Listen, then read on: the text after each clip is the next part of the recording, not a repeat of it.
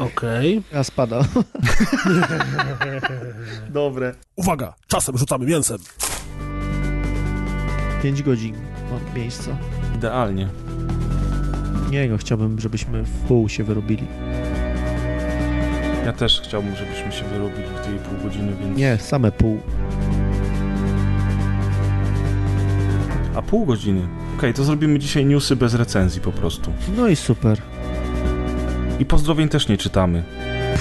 Dopiero co witaliśmy wszystkich, nie będziemy ich pozdrawiać. Dokładnie. Kuldan, na co czekamy? Już, poczekaj, już kończę.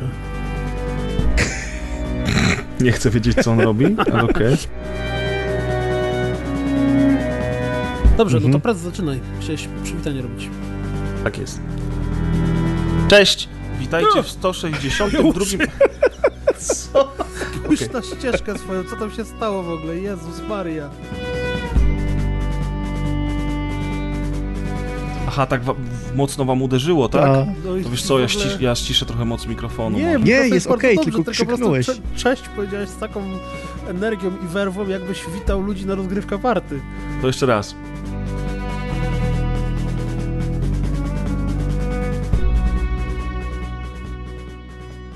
Cześć, witajcie w 162 odcinku Rozgrywki. Ja nazywam się Grzegorz Wojewoda, czyli Prez Perez, a ze mną są Adrian Kornasz, czyli Adek witam. oraz Piotr Kuldanek, czyli Kuldan, a.k.a. Pan Codziennik. Dzień dobry, ale powiedziałeś tak po rapersku. Mów do Tak mnie po jest. rapersku, a.k.a.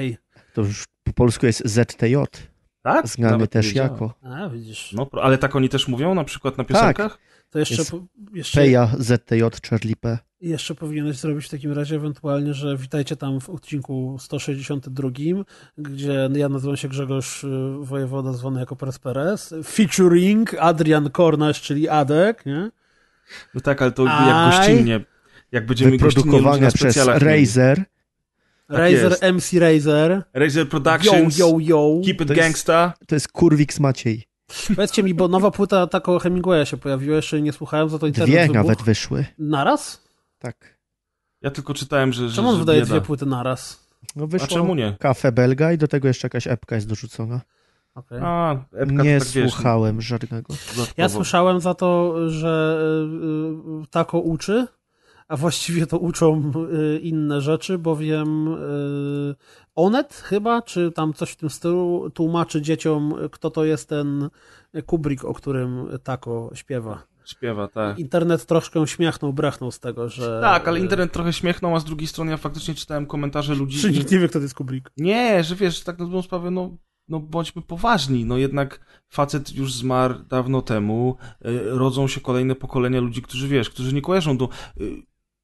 Naprawdę czasami można przeżyć szok, jak, jak ja- zapytasz się młodszych ludzi e, i oni nie wiedzą rzeczy, które dla ciebie są oczywiste. Na to ja przykład, pozwolę co to sobie- jest Miami Vice. Pozwolę sobie zacytować w tej sytuacji e, dwie rzeczy. Po pierwsze, e, piosenkę zespołu, jeśli się nie mylę, Grabasz i Strachy na Lachę, w której padło ładne stwierdzenie, że i można nawet dla traki zapytać Wajda, kto to taki. E, A druga rzecz, która mi się skojarzy z tym faktem, to mm, to, że był kiedyś e, taki, ja nie wiem, bo jest problem z rozróżnianiem pomiędzy tym, co jest kabaretem, a co jest stand-up comedy, bo kiedyś e, polscy ludzie, którzy byli kojarzeni stricte ze sceną kabaretową, ale nie mam na myśli wszelkich tam animrubru, czy tam cokolwiek tego typu, a takiego pana jak na przykład Andrzej Poniedzielski, który z mojej perspektywy robił po prostu klasyczny stand-up. On wychodził przed mikrofon, patrzył w ziemię i mówił różne śmieszne rzeczy, mniej lub bardziej mm, e, do publiczności. I właśnie on w jednym ze swoich występów miał taki ładny fragment, jak to edukacja muzyczna idzie w tą stronę, że za kilkanaście lat najprawdopodobniej jak ktoś usłyszy Bach albo Beethoven, to wtedy powie, o ja w 90 miałem taki dzwonek w komórce. Więc wiesz, to, że postępuje brak wiedzy, to. I jest tak, no ale dobra, Bach i Beethoven, a Kubrick, może to nie jest aż.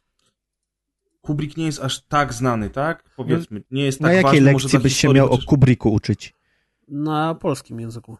No nie Na uczyliśmy się. kulturoznawstwie dopiero Nie no, tak język, rzeczy się na języku polskim się przecież w liceum, przynajmniej za moich czasów, kurwa, uczyło Oglądało też, filmy. oglądało filmy i oglądało się filmy, na, przecież na maturze nie, to naszej u nas pisemnej nie było podstawą było, oprócz literatury, podstawą były filmy. Ja w swoim wypracowaniu maturalnym chyba wrzuciłem tam, kurde, z cztery różne filmy.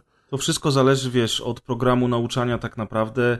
Ja rzeczywiście z jednej strony w pierwszym momencie się oburzyłem i mówię, jak to kurwa, oni nie wiedzą, kto to jest Kubrick, ale potem jak poczytałem te komentarze, no to wiesz, no, no mają prawo nie wiedzieć, kto to jest Kubrick. No. A tak z zupełnie innej beczki, wy y, bardzo dobrze znacie y, Kubricka filmografię?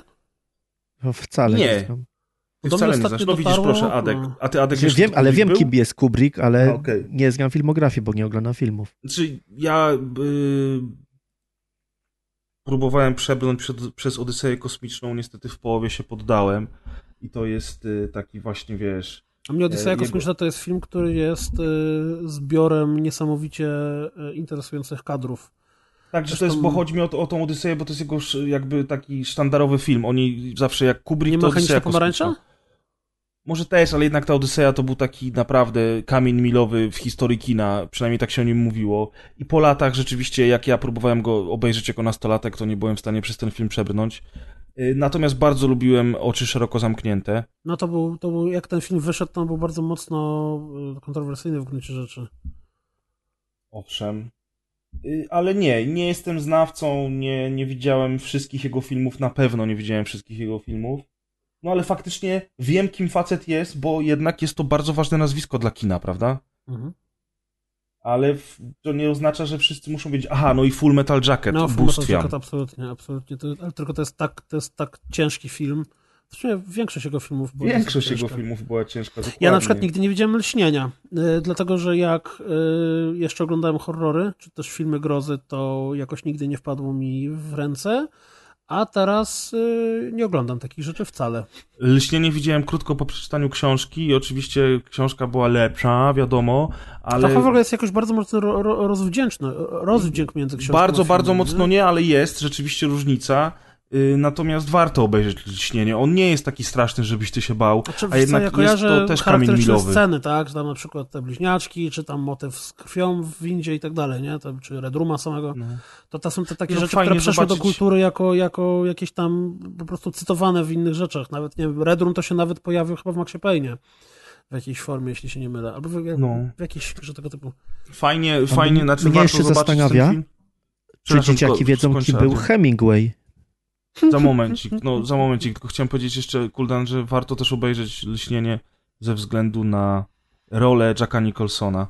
A y, tak, myślę, że nie wszyscy wiedzą, kim był Hemingway Atku. Myślę, że z pisarzami jest jeszcze No, ciężej niż nie, z no, reżyserami.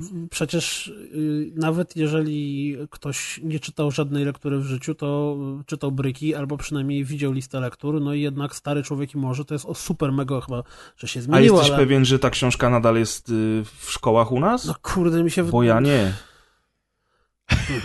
Właśnie to jest ten mi To się, problem. że- zadał pytanie tak. teraz i teraz sobie możemy gdybać, nie? Ale W ogóle takie grube rozmowy nam się z tego zaczęły robić. W ogóle Tak, wstępnie, jak z wiesz, gościem. z gościem. Z, No bo- I to z jakim gościem? Nie oszukujmy się, było grubo. Że było grubo, to y, spłynęło na nas chęć do pogaduch, y, wznoszenia jakichś tam trunków alkoholowych i, i gadania o różnych Ja nie najróżniejszych piję. rzeczach. Y, Co widzieliśmy bardzo dokładnie w sobotę. Nie pijesz alkoholu żadnego, zwłaszcza wódki. wcale, wcale. Z Wcale. Rafałem nie piję. Wcale Właśnie nigdy, mamy taki bo klub, nie było, gdzie nie, nie pijemy. Dlatego. E, Jak widzieliśmy na rozgrywka party 5-0, która się odbyła w zeszłą sobotę, jeżeli ktoś nie był, to mówiąc Nie- szczerze, może żałować. I to tak, ja wiem, że to strasznie głupio brzmi w naszych ustach, że o, chwalą się. Nie, prawda jest taka, że to po prostu była naprawdę mega zajebista impreza i nieważne, czy się pije, czy nie, była masa ludzi, która wypiła może alkoholu, ale było też sporo osób, które nawet bez alkoholu spokojnie się zarobiście bawiło, więc to, to nie jest tak, że trzeba się nachlać, żeby można było się dobrze bawić. Chociaż A- połowa imprezy co najmniej była mocno nachlana, No nie tak. będziemy oszukiwać. Tak, to prawda. W ogóle taki, e, zdradzając pewne rzeczy od kuchni, to zaczęliśmy nagrywać jakieś półtorej godziny później, bo przez półtorej godziny wspominaliśmy imprezę i po kolei obgadywaliśmy wszystkich ludzi, więc jeżeli byliście, to najprawdopodobniej zostaliście przez nas obgadani, ale tylko w pozytywny sposób i z pozytywnym dźwiękiem. Bo teraz nie będziemy wymieniać wszystkich, z kim rozmawialiśmy, bo po pierwsze to było za długie, po drugie, jeżeli bym przypadkiem zapomniał o jednej osobie, z którą rozmawiałem i jej nie wymienił, to wtedy byłoby to straszne faux pas z mojej strony, więc może po prostu podziękujmy wszystkim, którzy przybyli. Ja bym osób- chciał Jernie o sobie A, podziękować. jedna- Dobrze. Tak, Jernie. Z, z tych wszystkich osób to ja bym chciał pozdrowić kogoś, kogo bym nie poznał, gdyby nie rozgrywka. i w sumie chyba mogę nazwać go już moim przyjacielem. Także Grubeł, pozdrawiam cię. Spaliście za sobą, tak? Dzięki właśnie Grubeł za tę noc, było super. Ja, ja powiem, że. Rozgrywka mm, łączy. Ja powiem, że niesamowicie przyjemnie mi było za każdym razem, jak a było takich sytuacji, szczerze mówiąc, zaskakująco dużo, jak ktoś podchodził, żeby sobie zrobić zdjęcie, żeby przybić przed sobą piąteczkę, pogadać 5 minut, że tam powiedzieć, bo, bo yy, wiadomo, że wszyscy ludzie, którzy bawią się zrobieniem jakichś tam podcastów, YouTube'ów, czegokolwiek innego, to zawsze tak te komentarze gdzieś tam lubią, ale jednak moc yy, komentarzy, komentarza czy też y, opinii usłyszanej na żywo, bezpośrednio od kogoś, kto jest naszym słuchaczem, jest w ogóle y, ogromna, przeogromna. Wtedy No tak i- czujesz, że faktycznie ktoś tego słucha. Nie? Dokładnie, to nie są tylko jakieś tam literki w internecie, jacyś ludzie, jakieś ksewy, jakieś awatary, tylko faktycznie widzisz normalnych, żywych ludzi, którzy wręcz momentami z pasją opowiadają o tym, jak to jest super, co robisz i jak, kurde, fajne było to, tamto, albo jak, wiesz, nie wiem, czy to grube rozmowy, czy to specjale, czy coś tam, że, że generalnie e, można złapać ogromny, pozytywny motywator i chęć do dalszego działania i nagrywania. I właśnie dlatego, że tak, tak bardzo dobrze się nastrojiliśmy, to nagrywamy tylko we trzech. Nie, że Trzeźwieją wszyscy są chłopaki. zmęczeni po Żeby- tym weekendzie. Żeby nie było, Maciek ma remont jeszcze u siebie i nie może, nie ma stanowiska do nagrywania, Kas jeszcze nie wrócił, a Deusz jest w pracy, więc to, to nie jest tak, że... że... Ale z Kazem wszystko ok, to Tak, z każdym zapewniamy. wszystko wczoraj. natomiast dal, nadal jest w podróży. E, tak, ten taki bardzo, bardzo przyjemny feedback, który do, zdobywamy właśnie na tych spotkaniach z wami jest niesamowity.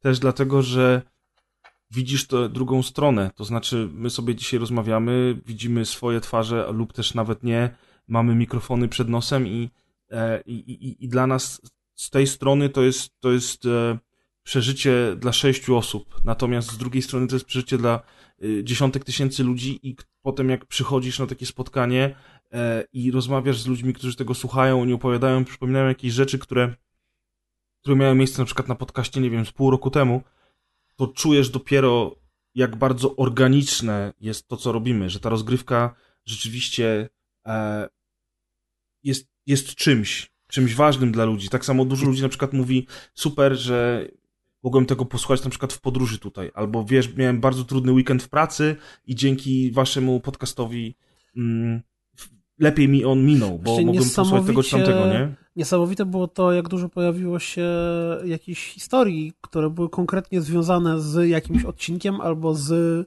czymś, co mówiliśmy i że to tam na kogoś wpłynęło, albo że miał jakąś konsekwencję, albo że coś tam komuś poleciliśmy i dzięki temu on, nie wiem, na przykład trafił na inny podcast, którego teraz słucha z przyjemnością i w ogóle wrócił do pierwszego odcinka, mimo że jest tam 150 i tak dalej, i tak dalej.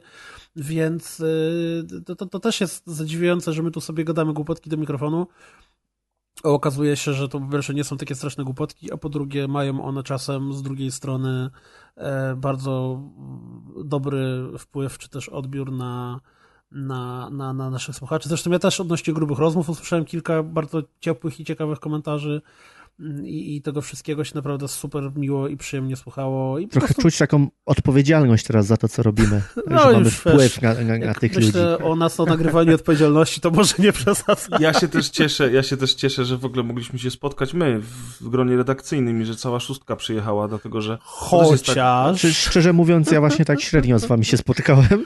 No To tak, ja- no właśnie tak, ale z drugiej strony wiesz, no jednak w ciągu roku rzadko kiedy się widujemy. Ja się Tak, najczęściej tak, widuję tak. z Kuldanem, ale z wami już, już mniej i spotkać wasze mordki nawet na chwilę to jest zawsze super. Że szkoda, że w tym roku nie udało się to, co robiliśmy do tej pory, czyli właśnie Czyli wcześniejsze before. before, redakcyjny. Myślę, że za rok już na pewno ja Ciekawe, tak, przez do, kogo się nie udało. tak dogram z terminem urlopu, żeby na pewno nie wrócić za późno, y, bo, bo niestety to, to w, tym, w tym roku z tego wyszło, że ja właściwie wprost z urlopu wpadłem na rozgrywka party. Zresztą to z przygodami po drodze, nieważne. Natomiast to, o czym na pewno muszę powiedzieć odnośnie rozgrywka party, to było to, co się stało, co mnie absolutnie emocjonalnie e, rozwaliło, czyli akcje... Walka. E, tak, wa- walka była zajebista i walka, walka była mega super, dlatego że najpierw walka robotów ewidentnie było Ta widać, walka robotów właśnie, była tak jeżeli super. kogoś nie było. E, my śmieliśmy się od dawna, zapowiadaliśmy walkę Atka z Szokizem i ona się odbyła. Jak my mówimy, że coś będzie, to to będzie. I walka Atka z Szokizem odbyła się na dwóch W frontach. dwóch fazach, tak. Najpierw w pierwszej fazie była to walka robotów. Były to normalne, fizyczne, jeżdżące śmietniki ze stali, z metalu, nie wiadomo z czego Jak jeszcze. na Discovery, właśnie tak jak mówił Grzechu Tak, kiedyś. jak na Discovery, Jak na które Discovery, z mhm. mega dużą siłą w siebie napierdalały, miały paski życia. No i tutaj ewidentnie, absolutnie Adek był liderem. Adek e, Tak zniszczył w obu rundach, które się odbywały, niezależnie czy grał robotem z ogonem, czy grał robotem bez ogona. Co więcej, w momencie, w którym już tam rozwalił tego ro- robota Szokiza, to nawet zaczął się wydurnieć i kręcił kółeczka I na środku. sam siebie rozwalają tak, wtedy. i sam siebie rozwalał Taki ściany. byłem głodny krwi. I w ogóle z tymi robotami to śmieszna sprawa, bo one wyglądają, jak się patrzy na to w telewizji, to wyglądają jak jakieś śmieszne śmietniki, a jak kurde widzisz taki kawał blachy, który osiąga całkiem spore prędkości i przywali w ścianę, to kurde jakby ci w nogę przywalił, to No, to Właśnie tam jest. nie? Słychać po tych uderzeniach, że tam jest dużo siły i też były zachowane środki ostrożności. Nie wolno jeździć, jak ktoś jest tam na arenie. Trzeba odłożyć pada, żeby nikomu nic się nie stało, no bo nogę to może urwać. No, myślę, że spokojnie. A druga faza walki Atka Szokizem była to walka w grze Dust to Dust bodajże, która jest oryginalnym, e, oryginalną produkcją Disco VR.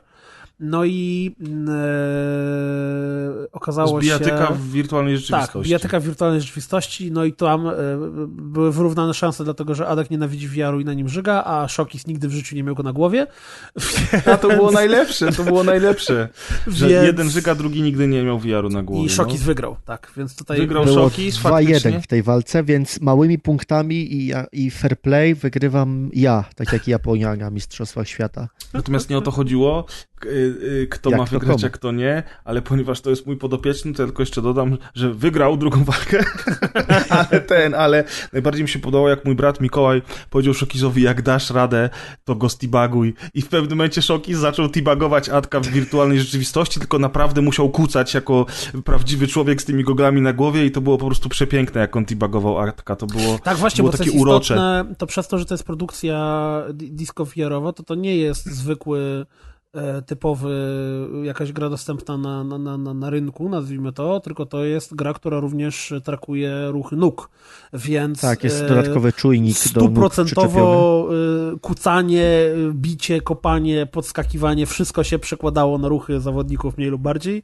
E, Oczywiście też mm, to było widać problem z wiarem, to znaczy kable, bo przez to, że tutaj wszystkie, wszystko wchodzi w grę, no to niestety byli potrzebni, nazwijmy to, pomoc techniczna, która stała przed naszymi zawodnikami i wszystkie kable unosiła w górze.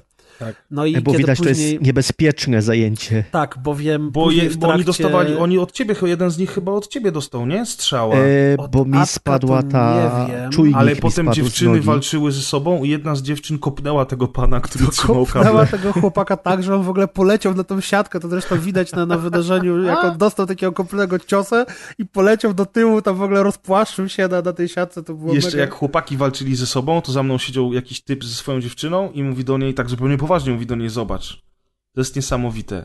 Kolesie się napierdalają w wirtualnej rzeczywistości, a my siedzimy na kanapach, pijemy piwo i im kibicujemy. To jest takie dobre. Ale to właśnie warto zaznaczyć, bo to była faktycznie taka arena otoczona siatką. Za siatką były sofy, gdzie siedzieli ludzie, więc naprawdę w środku była atmosfera, jakby to był jakiś oktagon właśnie. Bardzo przyjemne, bardzo przyjemne wydarzenie, naprawdę. I Jeszcze to, co Tak. też było zabawne, to to, że te komentarze, które padały na temat, jak, jak trwa początek walki robotów, to właśnie wszystkie wyobrażania na temat tego, jak to później to będzie pokazywane, jak to ludzie, e, kiedy już AI przejmie władzę i właśnie filmy z tej walki robotów, że tak, oni nas więzili i używali nas Tak, do tak. swoich prywatnych zabaw, nie? I Natomiast to, to druga... się pojawić taki napis z Second Renaissance z Animatrixa and for a time it was good. A potem te roboty nas gonią z tego disco VR-u, wiesz. Potem taki właśnie mały rewolucja. robot rozjeżdżający czaszkę pod Pałacem Kultury. Tak, dokładnie. E, natomiast druga rzecz, o której ja jeszcze muszę powiedzieć, to stała się rzecz niesłychana, o której nie miałem zielonego pojęcia i to była jakaś w ogóle mega zorganizowana e, akcja. e, Przyjazd pod- formogatki. Też pod kryptonimem Santa Rekin. Z Twittera e, i w trakcie imprezy okazało się, że czeka na mnie e, miła niespodzianka, co można zobaczyć na wydarzeniu, e, bo jest cała, cała akcja nagrana i szczerze mówiąc, jeszcze raz z tej strony chcę wszystkim zaangażowanym, którym nawet nie wiem kto jest, oprócz, oprócz oczywiście Santa Rekina, w pełni podziękować za, za to, co się tam odbyło, bo kurde, totalnie mnie to trochę rozwaliło. A sama impreza, co? Chyba możemy powiedzieć, że za rok się odbędzie na 100% i yy, nie przegapcie jej za rok, jeśli was nie było. Chyba Bardzo trzeba podziękować impreza. klubowi za, za, za organizację. Tak, dziękujemy klubowi za pomoc, za organizację i dziękujemy wszystkim gościom za przybycie. Ja tylko jeszcze podziękuję prywatnie e, Jackowi i jego dziewczynie Gabrieli, e, o których powiem trochę więcej na następnym odcinku, natomiast w tym momencie chciałem tylko powiedzieć, że Jacek miał bardzo fajną koszulkę z naszymi podobiznami. Właśnie, nie tylko na następnym odcinku, ale też yy, jak możecie wejść wejść sobie w mm, e, opis tego odcinka i będzie podlinkowana w opisie tego odcinka galeria na Behansie, bo to się chyba tak nazywa właśnie. Gabrieli. I na Instagramie, bo Gabriela też podesłała nam Instagrama, tak. więc na pewno się podzielimy z wami linkiem. Gabriela bardzo ładnie rysuje, a dla nas przygotowała podobizny wszystkich członków y, podcastu, które z pewnością prędzej czy później wykorzystamy. No i właśnie Jacek miał koszulkę z napisem rozgrywka i z naszymi podobiznami, więc było całkiem przyjemnie. Także tak, tak to wygląda, moi tak, drodzy. Tak, jeszcze prywata jest, to ja od razu chciałem podziękować Milo za nocleg i podziękować Izakowi za bimberek. Klasa. Każdy miał swoje prezenty. Klasa, kochani. Działo teraz... się newsy, które bardzo szybko przelecimy. Pierwszy news. Kuldan, widziałeś nowy trailer y, Call of Duty Zombies? Tak. Y, I są tam zombiaki. Znaczy, tak w ogóle to ja... Y, są, tak, i są tam zombiaki. No i to był właśnie znaczy, trailer. Koniec co, bo, bo, to jest niby nowy trailer i on się dopiero dzisiaj pojawił na kanale Call of Duty YouTube'owym, ale kurde, on wygląda prawie tak samo jak y, ten poprzedni. Ja... No właśnie, ja jestem trochę zdziwiony, bo jak oni pokazali na E3 y, to Koloseum, to mówiliśmy o tym, o zobacz jak fajnie, oni tutaj będą walczyć mieczami, w ogóle będzie jakaś nowość w Call of Duty. Natomiast ten trailer y, z dzisiaj, który pokazuje gameplay, wyraźnie pokazuje, że ci ludzie na arenie y, jakiejś tam starożytnej walczą z tymi zombiakami przy użyciu broni palnej i to przy użyciu broni palnej współczesnej, czy nawet tam futurystycznej, no bo to będzie Black Ops 4, czyli jakaś niedaleka przyszłość. Więc w ogóle totalnie jestem zawiedziony, bo myślałem, że oni jednak postarają się zrobić coś innego, chociażby na tej jednej mapie, a nie, oni tam znowu strzelają się. Więc trochę zawód. A ten z kolei Titanic to w ogóle dla mnie takie mech. Na zasadzie, no, no dobra, no fajnie, że niby znowu jest jakaś fabuła, jakaś córka nie widziała ojca od 15 lat, kogoś tam łapią i ten ktoś uruchamia jakiś portal, który, z którego wypływa czarna magia i wszystkich członków załogi zamienia w zombiaki, ale tak naprawdę to co to widać ewidentnie, że to znowu po prostu będą pojedyncze, rozbudowane mapy, na których będziesz biegał w kółko i, i się męczył. Ja dodam tylko to, że po tym, jaką ewolucję przyszły zombiaki w nowym DLC-ku, czyli no. w tym e, trzecim, trzecim z kolei, o którym opowiadaliśmy na poprzednim odcinku, to e, jest szansa, że ten tryb, te tryby właściwie będą interesujące, bo, bo... Tylko widzisz, ten nowy zombie z, z WWI jest robiony przez ekipę, która zrobiła WWI, natomiast e, zombie pochodzą od Treyarch. I Treyarch robi Black Ops 4 i te wszystkie tryby zombie od Treyarchu są zawsze najbardziej skomplikowane, najbardziej udziwacznione i takie najbardziej dla tej społeczności, która od lat gra w te zombiaki i pisze potem Wikipedię, jak przechodzić poszczególne mapy.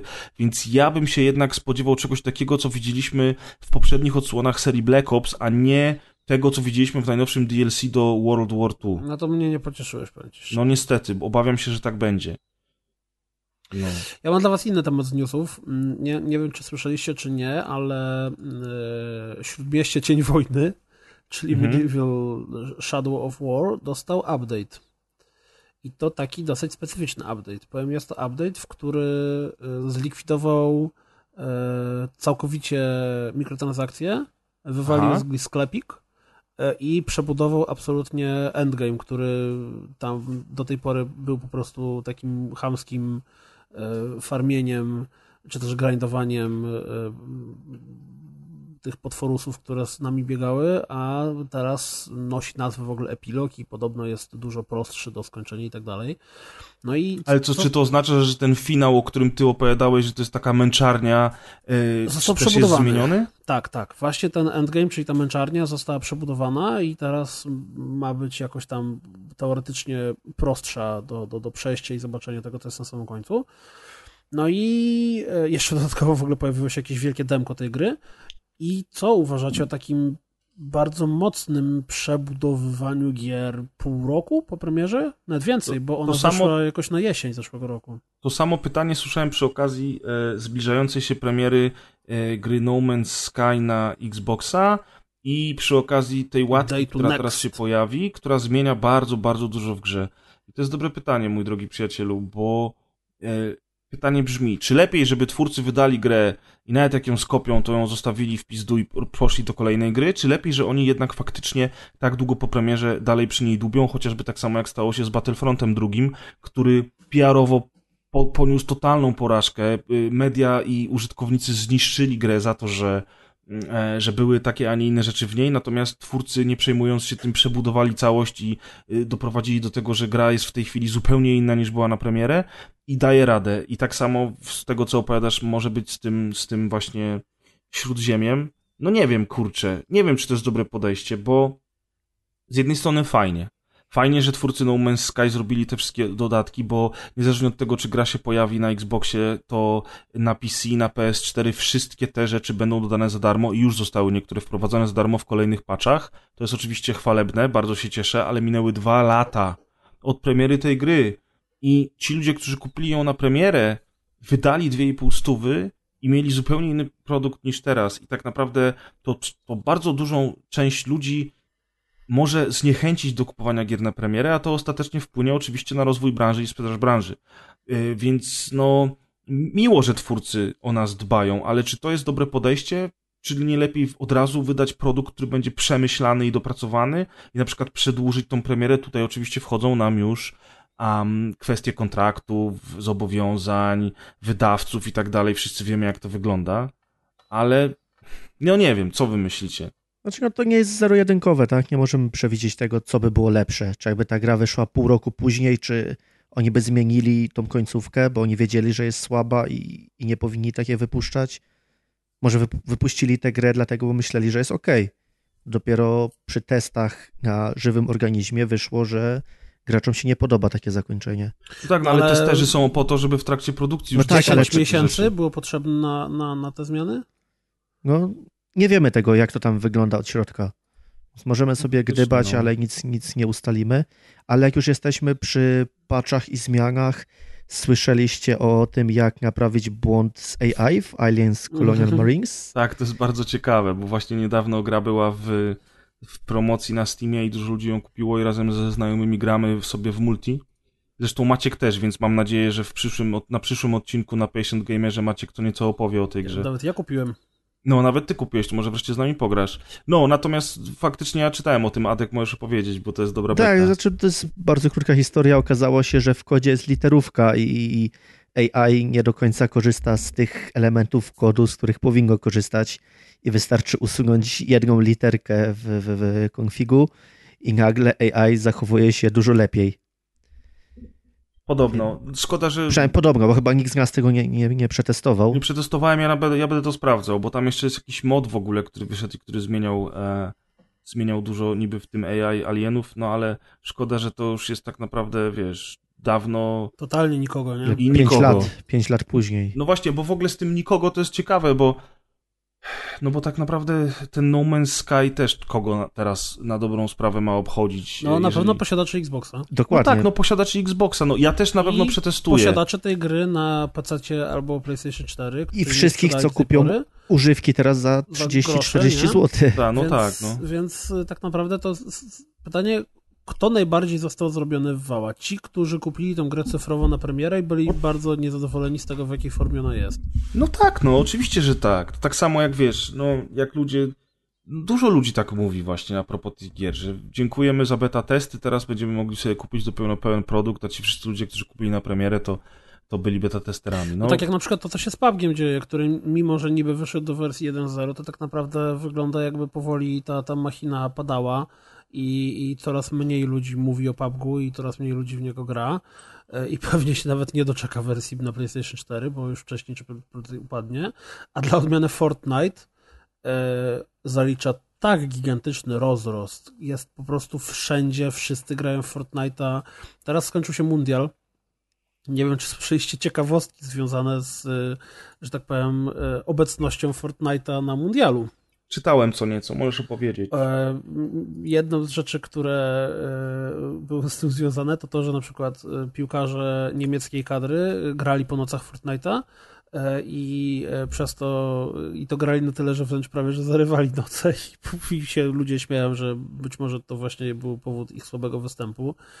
Tam ktoś inny naśladował Cieszynkę z, z, z gry, która jest Znaczy najpierw ta cieszynka była właśnie na, na polu piłkarskim, potem trafiła do gry, a teraz jest kojarzona z Fortnite'em, ale jej geneza jest nieco inna, nie? Znaczy, ja słyszałem, że to, że to zależy, o której mówisz, że była jedna, która, y, czy że tam piłkarz sam sobie powiedział, że, że wziął ją z gry. No, generalnie y, Fortnite, kiedy podchodzisz do bankomatu i chcesz wypłacić pieniądze albo wpłacić, tak, to pojawia się reklama, że może chcesz kupić sobie y, karty z jakimiś tam przedmiotami, czy czymkolwiek jest do Fortnite'u. Jakiś inny piłkarz Francji który mówił o mm, zwycięstwie w jednej ósmej finalu, komentował to, że poszli do restauracji, e, upili się i wrócili do hotelu i on nagi grał Fortnite całą noc. Tak, z hełmem na głowie, w ogóle coś tam. W ogóle jakiś kosmos, co się Pytanie brzmi, czy to nie jest kampania marketingowa i ktoś tam ostro nie zabulił za to, bo przecież w tej chwili Epic ma takie pieniądze z Fortnite'a, że stać by było ich na taką Szczególnie, że już wiralową. wcześniej płacili ludziom na Twitchu, żeby w to grali, więc tak. możliwe, że faktycznie coś tam. Odmiany, Ale wiecie, wyskoczył... aluminiowe czapki na głowę. No, no. Mi wyskoczył jakiś e, inny e, news poświęcony Fortnite'owi, że jakiś raper, e, nie wiem czy rozmyśla nad tym, czy już poszedł do sądu i żądał od Epika pieniędzy za to, że w grze znalazł się taniec, który on wykonywał na koncertach i że to jest wykorzystanie, że tak naprawdę jego taniec jest objęty jego prawami autorskimi. Jeżeli oni sobie biorą jego taniec, to jest tak jakby łamali jego prawa autorskie i muszą za to płacić kasę, nie? Więc... Zależy, czy zastrzegł sobie prawa Moonwalk Michaela Jacksona, był opatentowany na przykład. No bo Moonwalk wymagał bardzo specyficznej sztuczki. Znaczy właśnie no nie są Moonwalk, a to takie pochylanie się. No to... No tak, no ale opatentowany w sensie, że on naprawdę był opatentowany z tego, co, co kojarzę. A propos w ogóle już tego Fortnite'a i wspomnianego Twitcha, to tak na koniec newsów tylko powiem, że um, po, ma, ja mam konto Amazon Prime, y, Prime Video, czyli to konto do takie jak Netflix, tylko że od Amazona. E, I ostatnio się dowiedziałem, że Twitch Prime e, można połączyć z tym kontem i wtedy ten, na tym Twitch Prime dostaje się gry za darmo. Jakoś mnie to szczególnie nie interesowało, ale dokładnie ale wczoraj... gry za darmo, cebula was Nie, no pojawiła się informacja, wiadomo, że Tyranny jest, nie? W tej, w, tej, w, tej promocji, bo tam te inne gry, tak szczerze mówiąc, mnie jakoś szczególnie nie interesowały. No ale to Tyranny jest rzeczywiście spoko RPG-iem. Grałem przez chwilę na Femsher, od kogoś miałem. I mówię, fajno, to przytulę chętnie, wiadomo, cebula. Połączyłem te konta, y, odebrałem w ogóle wszystkie gry z lipca, które są i faktycznie tych gier jest w pip, bo tam jest Broken Age, jeszcze parę innych gierek i to takich całkiem okej, okay, więc chyba łącznie z 6 czy 7 gier odebrałem. Tylko niestety na końcu się okazało, że te gry to nie są kody Steam ani nic takiego, tylko że trzeba pobrać apkę Twitch Prime i poprzez tą apkę, po zalogowaniu się na nią, te gry można pobrać i pograć w nie, więc troszeczkę mech, bo kolejna aplikacja do gier to już jest naprawdę za dużo, ale z drugiej strony są gry za darmo, więc jeżeli macie konto Amazon Prime albo Amazon Prime Video, bo to są dwie zupełnie inne rzeczy się okazuje, a jednocześnie przynoszą te same profity w połączeniu z Tweetem, bla bla bla, z Twitterem, fu, z Twitchem, to warto zerknąć. Dla, ja się najbardziej ucieszyłem, bo się okazało, że jak połączysz to konto e, Twitch Prime ze swoim kontem Call of Duty od Activision, to dostajesz skrzyneczki do Call of Duty World War II i dostałem masę skrzyneczek zajebistych premium, jakiś tam y, do zombie i jakichś mundurów dla żołnierzy i w ogóle, więc w sumie to był największy profit z całego tego łączenia kont ze sobą. No, także taka ciekawostka. Ja z gatunku na tak zwanych y, dziwne newsy jeszcze jednego mam do dorzucenia.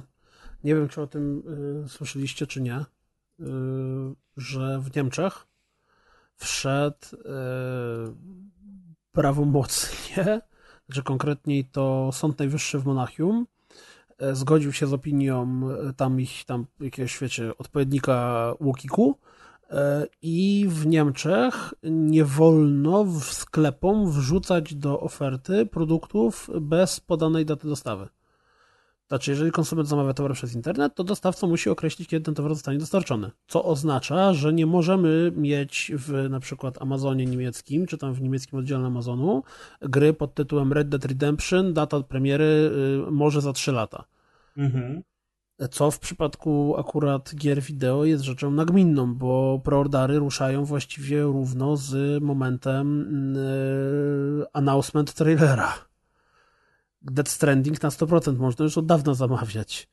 No i to jest dosyć e, inter interesująca yy, ustawa, czy też tam, jak to zwać, tak go zwać. No tak, no to jest bardzo ciekawe, bo to bardzo mocno wpłynie na sprzedaż tych gier, a wiele z tych gier zarabia kupę kasy na długo przed premierą właśnie przez preordery, bo sprzedają jakieś tam obietnice, które potem się zazwyczaj jednak nie sprawdzają. Ale czy to się rozejdzie na, na, na resztę Europy? Czy wiesz co, z, w Unii Europejskiej jest jakoś tak, że te przepisy mocno czasem jedne wpływają na drugie i to tam ktoś kiedyś mi tłumaczył, że jeżeli jakieś państwo wprowadza przepisy konsumenckie, to bardzo często, bardzo szybko one z automatu przepływają na inne kraje Unii Europejskiej, dlatego że yy, prawo musi być w jakiś tam sposób ze względu na pewne postanowienie jednolite, coś tam, coś tam, jakieś skomplikowane historie, więc kto, kto to wie. wtedy wszyscy przeprowadzimy się do Wielkiej Brytanii. Ale czy Ale tobie to przeszkadza, przeszkadza że to? No gry nie mogą być nie, sprzedawane czemu ma mi to przeszkadzać? Przed... Właśnie, to czemu mielibyśmy się przeprowadzać do Wielkiej Brytanii? No nie wiem, jakby wprowadzili coś gorszego, no to mamy tak. zawsze alternatywę. Mamy, tylko że wiesz, że jakby zrobią Brexit, to już nas nie wpuszczą, nie? Bez wizy będzie... Ale się nie przejmuj, nasz rząd się bardzo stara, żeby nas wyciągnąć z EU i wtedy wszyscy się przeprowadzimy do Rosji. Będziemy mówić po rosku, także spoko bańka. I będziemy już nie będzie za grosze gry. To, to, to, Właśnie nie, w Rosji są przecież taniej. No mówię, że za grosze będziemy. Dzisiaj na, na Twitterze mi wyskoczyło to taka propos różnych dziwnych rzeczy. Ktoś, kto z ogromną radością cieszył się, że udało mu się swoje e, e-shopowe konto e, przelogować na nie wiem, Arabię Saudyjską. Właśnie taki... jedna z pierwszych porad po, kupno, po kupnie Switcha to dostałem stronę, gdzie porównuję ceny e, produktów w różnych krajach i jak przełączyć konto na inny kraj. No tak. No, więc Polak potrafi, a potem ktoś się zastanawia, czemu Nintendo w Polsce nie chce mieć przedstawicielstwa normalnego.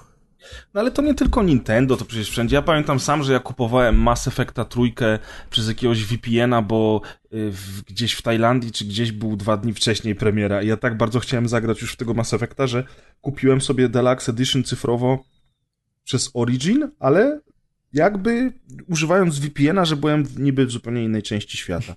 I przez te dwa dni do polskiej premiery grałem na VPN-ie i, i wiesz, no są różne sposoby. A ile osób kupuje gry tam, że ma konto w Meksyku, nie? Bo tam też są taniej te gry wszystkie i tak dalej, no. Cebula silna jest w narodzie i to nie tylko w narodzie. Myślę, że wszędzie ludzie kombinują.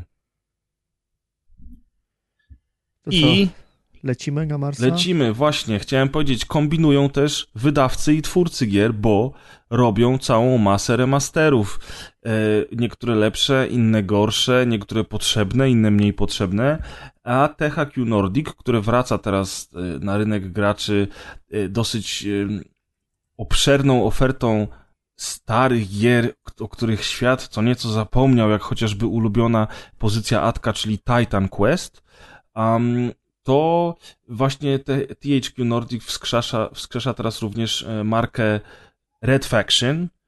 Czy po coś oni to robią, czy na przykład przyjdzie jakiś sequel, to się dowiemy w przyszłości. Natomiast obecnie otrzymaliśmy grę Red Faction Guerrilla w wersji zremasterowanej i sprytnie gra nazywa się Red Faction Guerrilla Re Mars Third. Bowiem e, mi się wydaje, że oni lubią właśnie te takie specyficzne nazwy, bo przecież e, ta zremasterowana wersja sensie wydawca lubi, bo to chyba ten sam wydawca, co Darksidersy.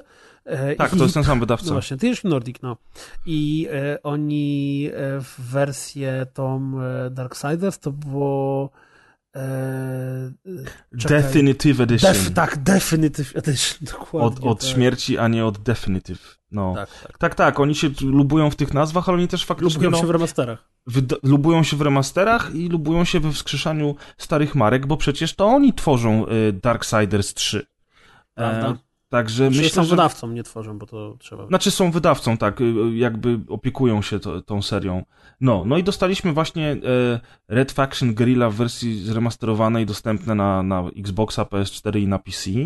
I Red Faction Guerrilla to jest taka gra, która wprowadziła y, dosyć starą markę, w, w, że tak powiem, w nowe realia, bo Red Faction do tej pory było strzelanką pierwszoosobową i było bardzo znane z tego, że w grze można było niszczyć otoczenie. E, całość działa się na Marsie i e, nasz protagonista był górnikiem, więc miał dostęp do różnych materiałów wybuchowych. I rzeczywiście w tej grze można było robić dziury w ścianach, w jaskiniach, w suficie, w podłodze. I to na, niesamowicie wpływało na rozgrywkę. Mm, i była to istna nowość, dlatego ta gra zdobyła całkiem niezłą popularność. Ten silnik się jakoś nazywał Gio, Gio, Gio, Gio, Gio, Gio, Gio, coś tam. Był ich autorski silnik, nie? Który oni to bardzo był autorski silnik. Absolutnie najważniejszym najistotniejszym e, elementem tego było robienie e, łubu-dubu. Tak, i oni, to, i oni, e, kurczę, miałem pod ręką gdzieś, jak się nazywał ten silnik, może to nie jest super ważne, ale jednak to jest istotne. Geo Engine chyba to się nazywało. I jedynka i dwójka były shooterami, natomiast Red Faction... Geomod. Geomod Engine, właśnie, Geomod Engine. Dziękuję Short for Geometry Modification. Tak jest. I właśnie Volition, jak zrobiło Guerrilla, to nie dość, że przeniosło grę z perspektywy FPP do perspektywy trzecioosobowej, to zrobiło jeszcze grę w otwartym świecie i to był rok 2000, 2009, kiedy gry z otwartym światem e, zyskiwały na coraz większej popularności, robiły się coraz lepsze i to Red Faction e, zasłynęło z tego, że tym razem nie można było niszczyć powierzchni samej, czyli nie można było robić dziur w terenie, natomiast można było zniszczyć wszystko inne, co było w grze, czyli wszystkie budynki, osłony, pojazdy. Można było masakrować wszystko, co tam się dało. Zresztą nawet minigierki i poboczne zadania polegały na tym, że trzeba było niszczyć budynki na przykład na czas, a jednocześnie Red Faction Guerrilla było jedną z pierwszych gier w otwartym świecie, taką bardzo rozbudowaną, gdzie była główna kampania fabularna i wątki poboczne. I to był duży tytuł. Tylko, że to był 2009 rok. I teraz mamy, mm, mamy 9 lat później. THQ Nordic wypuszcza remastered. No ja sobie go odpalam. I generalnie rzecz biorąc widać różnicę. Rzeczywiście rzeczywiście gra jest bardziej odpicowana, ma lepsze tekstury i tak dalej. Oczywiście wysoka rozdzielczość, wsparcie 4K to są rzeczy, o których nawet nie trzeba wspominać w dzisiejszych czasach, bo to jest po prostu.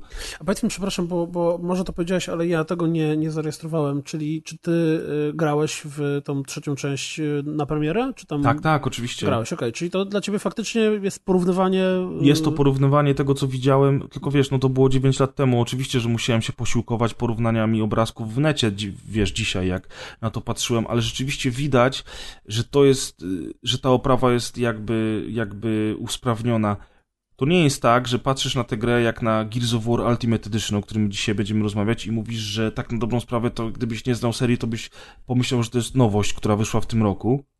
E, więc to nie jest aż tak dobry remaster, ale to jest całkiem niezły remaster, jak na y, warunki oryginału, prawda? Gra całkiem nieźle się broni graficznie w dzisiejszych czasach, chociaż trzału nie ma, umówmy się. Dlatego tutaj jest to zawsze, zawsze jest ta ta wątpliwość, czy ten remaster był potrzebny. No bo z jednej strony, jak odpalisz sobie grę na PC dzisiaj, na Steamie, to ona będzie wyglądała, jak sobie odpalisz 4K i wszystkie, wiesz, wszystkie opcje graficzne ustawisz na maksa, to ona i tak będzie wyglądała na tyle dobrze, że będziesz mógł sobie w nią pograć. Jak sobie porównasz tę wersję zremasterowaną z tą wersją oryginalną ze Steama na współczesnych komputerach, to na dobrą sprawę ta wersja zremasterowana potrzebna by ci nie była. Ale są jeszcze konsole, na konsolach te, tej sztuczki nie zrobisz, w związku z czym ok, dostaliśmy ten remastered. ale nie będziemy się zastanawiali nad, nad technicznymi, szczegółami tej gry, bo to nie jest istotne. Ja chciałem z wami porozmawiać o czymś innym.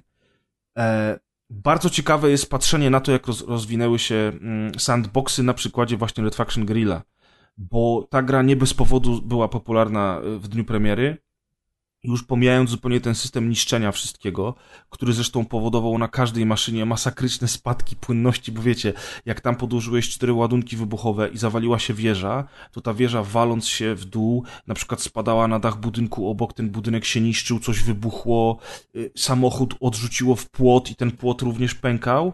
Tam się działy cuda w tej grze i wtedy to było niesamowite, wtedy to było takie wow, że ludzie, ludziom czapki z głowy spadały. Natomiast patrząc na to dzisiaj, na tym remasterze, to już takich, y, takich cudów nie ma. To jest, to jest ok, to jest spoko, faktycznie większość gier tego nie robi do dzisiaj, ale jak na przykład grałeś w ostatnie Battlefieldy, to, mm, to te zniszczenia w grilli, no, szału nie robią. Y, co ciekawe, momentami są nadal na Xboxie One X, w wersji zremasterowanej momentami są małe, ale są spadki płynności, jak wszystko się sypie, nie? To jest w ogóle beka. Ale to już jest raczej kwestia e, chyba samego kodu źródłowego gry, a nie, nie wydajności konsoli, bo ja akurat grałem na konsoli w to, nie? Ale Kuldan, pamiętasz taką swoją ulubioną grę, y, bardzo ją chwalisz, zresztą nie ty jeden, y, Mafia 3? O, ta, moja ulubiona. Właśnie, dlatego mówię o niej. Adek nie Bo... odzywa się. A co, Adek nie lubi? Adek ją lubi właśnie. Ja lubię. Ja, ja też ją lubię, Adek. Ja też ją lubię i to bardzo, ale... E, I dlatego chyba też w to, w to Red Faction Guerrilla mi się teraz grało całkiem przyjemnie, bo w pierwszym meczu, jak ją odpaliłem, to stwierdziłem, oho, mm, nie. Hm. Ale mówię, no dobra, no ale muszę przecież pograć, no to pogram. I generalnie rzecz biorąc, e, okazuje, szybko się okazało, że gra jest tak skonstruowana, że masz... E, rejony na tym Marsie, bo teraz Mars jest już steraformowany, da się żyć na powierzchni, wszystko tam się rozwija. Tam fabularnie jest bardzo ciekawe w ogóle, bo to są, to są wątki fabularne, które się ciągną jeszcze od pierwszej części gry i, on, i tego nie porzuca i kontynuuje to, tam są zmiany polityczne, są oczywiście znowu trzeba walczyć z oprawcą i tak dalej, co ciekawe, oprawca jest teraz kim, tym, ten oprawca, z którym się walczy w Guerrilla, to są ludzie, którzy się wywodzą od ludzi, którzy robili pierwsze bunty w pierwszych grach i byli dobrzy, wiecie, więc tam, jak ktoś lubi serię, to nawet, nawet, nawet takie smaczki się znajdą. I zgubiłem się, do czego ja się do, do chciałem dojść. Chciałeś porównać ją z mafią. Mafia, y, rejony, tak. Że tutaj masz misję fabularną na początek i na koniec rejonu. Zazwyczaj. I te misje fabularne są całkiem spoko, natomiast y, żeby odblokować kolejne, musimy te rejony przejmować. A żeby przejmować rejony, musimy robić misje poboczne, a misje poboczne to jest zazwyczaj ratowanie swoich sojuszników z bazy wroga albo niszczenie y, ważnych dla wroga placówek na tej mapie, nie? I to jest centralnie mafia, nie? To jest centralnie y, taki rodzaj sandboxu, gdzie po prostu te, te aktywności poboczne nie są czymś dodatkowym, tak jak, nie wiem, na przykład w Assassin's Creed Origins ostatnio, czymś, co można zrobić, ale nie trzeba, tylko są rzeczami, które jakby mm, są niby rzeczami pobocznymi, które tak naprawdę są, są kluczowe dla y, rozgrywki. I to jest ciekawe w ogóle, nie? Bo tam zajebiste pojazdy masz, w ogóle tymi pojazdami się bardzo fajnie prowadzi, bo czuć ich ciężkość i tak dalej. Masz różne bronie. Strzelanie jest takie, wiecie, mm, no jest dużo lepszych gier o strzelaniu. Ale ostatecznie nie, no jest, nie jest aż takie złe nie jest aż takie złe. No właśnie dlatego ja mówię, bo tam masz ten system oszło. średniak, tak? Wiesz co, na, dzisiaj tak, dzisiaj to już jest typowy średniak. Yy, chociaż to, to, to, niszczenie otoczenia nadal sprawia frajdę, bo wiesz, jak możesz kolesią... Walka jest dosyć wymagająca, bo przeciwników jest dużo bardzo, ale jak pomyślisz, to możesz kolesią na przykład zrobić wjazd na chatę z boku, podkładając bomby, w, wiesz, w ich barakach. I wtedy po prostu nawet nie, za bardzo nie musisz pistoletu wyciągać, bo jak odpowiednio to rozplanujesz, to jesteś w stanie im zrobić taki Armagedon, że, że żaden z nich spod tych gruzów już nie wyjdzie. Więc tam jest dużo ciekawych Czyli e, Radość rzeczy. rozwałki. Jest ta radość rozwałki. serwujesz y, porcjami. Tak, ale kurczę, właśnie... Ale jak co? masz Just Cause'a teraz, to czy jest sens grania w to? Wiesz co, trzeci Just Cause tak bardzo mnie odrzucił, że, że, że, że nie wiem, wolałbym chyba grać w to. Natomiast to Just Cause trzeci też nie jest dobrą, dobrym sandboxem. Na, w dzisiejszych czasach. Just Cause ja... trzeci to jest gra, która stoi tylko i wyłącznie radosnie Jedną rozwałki. Znaczy, no. Just, no właśnie... trzeci, Just Cause trzeci to jest gra, która nie ma nic, bo tam ani strzelanie nie jest dobre, ani historii nie ma właściwie, ani no, na konsolach nawet nie działa za bardzo, ale no. radość y, robienia gigantycznej pożogi jest ogromna. No i chyba dokładnie to samo robi Red Faction Guerrilla. Tylko, No i że... dlatego właśnie pytam, nie? Czy, czy, czy jest sens grania w to, skoro mamy już grę taką Jak samą, Z tej lepszą. generacji jednak. A zaraz będziemy mieli tą grę. Z kolejnej. To, to jest kwestia tego y, chyba settingu. Tutaj to już jest kwestia y, indywidualna. Czy wolisz współczesny setting z lekką beką, e, gdzie, gdzie sobie postrzelasz tam jak na jakiejś tropikalnej wyspie, czy jednak trochę cię jara science fiction i, i jakieś tam y, science, maszyny i broń science fiction i wolisz się wczuć niby w klimat y, walki o, o wolność y, na planecie Mars. Bo fabularnie Red Faction Guerrilla też leży i kwiczy tak naprawdę. Więc, y, więc to jest kwestia settingu. No ja jednak wolałbym grać w Red Faction, ale może to jest też kwestia sentymentu. Jako remaster y, jest całkiem ok, jako sandbox w 2018 roku już niestety nie do końca jest ok, bo tak jak powiedzieliście, e, jest grą jednej sztuczki. Więc ja nie wiem, czy ja mogę to polecić, tak? bo to jest ciężko, ciężko stwierdzić, czy tą, taką grę można polecić. No, jeżeli traficie na nią w promocji i się będziecie nudzić, to, to musicie zagrać, ale to już jest kwestia indywidualna, głównie przez ten setting chyba. Bo ja na przykład totalnie nie, nie lubię grać w Just Cause. Jedynkę uwielbiałem, dwójka i trójka totalna nuda dla mnie, nie? A w tym Red Faction jednak trochę czasu spędziłem. Myślałem, że w ogóle zaraz wyłączę, a, a jednak wessało mnie na parę dobrych rejonów. Hmm. Także ocencie sami. Natomiast... Y, ciekawostka, że- y, y, przepraszam, No. odnośnie sandboxów, czy bardziej open worldów i tamten i kilku dobrych godzin. Grałeś jeszcze w The Crew 2 potem, czy już nie? Grałem dużo w The Crew 2 jeszcze. I co? Nawet. W... No to pogadamy sobie chyba na specjalu, który przygotujemy Okej. niedługo, Dobra, wiesz? Dobra, bo ja zaliczyłem Rage. Quita. Nie, ja też już odinstalowałem tę grę, ale to taki teaser. Ja Natomiast. spędziłem tam, kurde, chyba z 30 godzin, 25-30 godzin w sumie, zrobiłem masę rzeczy, natomiast na jednej walce z bossem zaliczyłem Rage Quita i nie wiem, czy chcę do niej wracać. To pogadamy sobie na specjalu, także już Taka to zatizowaliśmy. ciekawostka. A teraz powiedz, o czym będziemy rozmawiali? Teraz będziemy rozmawiali o grze Unravel 2, bo szczerze nie jestem pewien, czy ona w nazwie ma dwójkę, czy ma napis TWO, czyli też dwójkę, ale nie po polsku, która to została zapowiedziana w trakcie e, E3 i razem z zapowiedzią od razu okazało się, że odbywa się jej premiera. I jest to sequel gry Unravel od tego małego studia. Z- Możemy powiedzieć, że wyszła po niemiecku teraz. Że co, że co? Niemiec... Że wyszła w niemieckim stylu. Czemu? No bo bez preorderów, bez zapowiedzi. A, sprytne, sprytne. sprytne. Jest to gra od studia, która się nazywa Coldwood Interactive y, i y, to ten taki radosny pan, który jak zapowiadał pierwszą część Unravel, to stał i miętosił sweter cały czas i był taki uroczo zakłopotany, a wydawana przez Electronic Arts. Dostępna chyba na wszystkim, na czym się da grać. Czy, znaczy nie, nie ma jej na Switchu, jest na pewno na konsolach, na, na, na PS4, na Xboxie i na PC. Na Switchu jej nie ma, dlatego że pan z e, studia powiedział, że oni są małym studiem i zrobienie gry na Switcha to nie jest tak klikasz i zapisz jako wersja na Switcha jest. Jeżeli im czasu i pieniędzy starczy, to zrobią wersję na Switcha. A gra jest e, tym samym, czym była jedynka, tylko lepiej. Więc jeżeli graliście w jedynkę, ale jakieś rzeczy was irytowały, to jest szansa, że w Unravelu dwójce was nie będą irytować.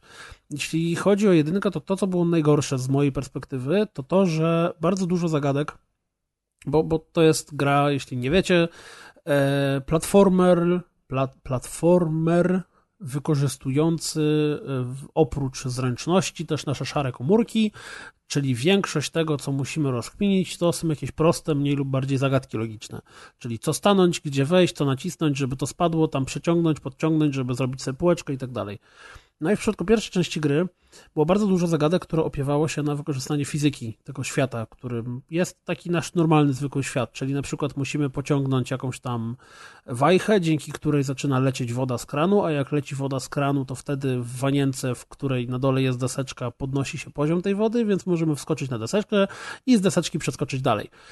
Problem polega na tym, że w pierwszej części ta fizyka ssała i bardzo często było tak, że ty wiedziałeś jak coś zrobić, próbowałeś to zrobić ci się nie udawało. I zaczynasz się zastanawiać, czy nie udaje ci się dlatego, że to jednak nie masz tego zrobić, tylko możesz myśleć inną metodę, czy nie udaje ci się dlatego, że tym razem fizyka zadziałała na twoją niekorzyść. No i największą radością dla mnie było to, że w ogóle nie miałem takich problemów w dwójce.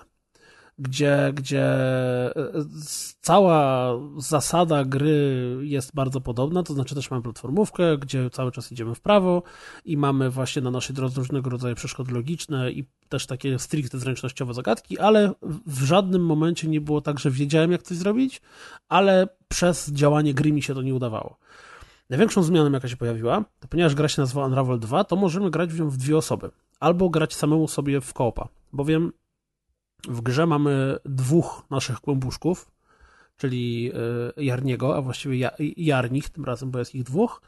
No i e, nawet jeżeli gramy samemu, to też gramy dwoma, bowiem dużo zagadek, który jest, są e, na zasadzie jeden ludzik musi stanąć na tym, dzięki czemu wtedy ta huśtawka się nie spada i drugi może wtedy wejść na huśtawkę i zeskoczyć z tej huśtawki na, na, na, na ojejku, na wzniesienie i kiedy jest już na wzniesieniu, to wtedy ten pierwszy, który stał na huśtawce może przejść i po prostu się wciągnąć. Bowiem gra, tak jak pierwsza część, wykorzystuje to, że jarni, czy raczej jarnie są z włóczki, i ta włóczka na nich działa.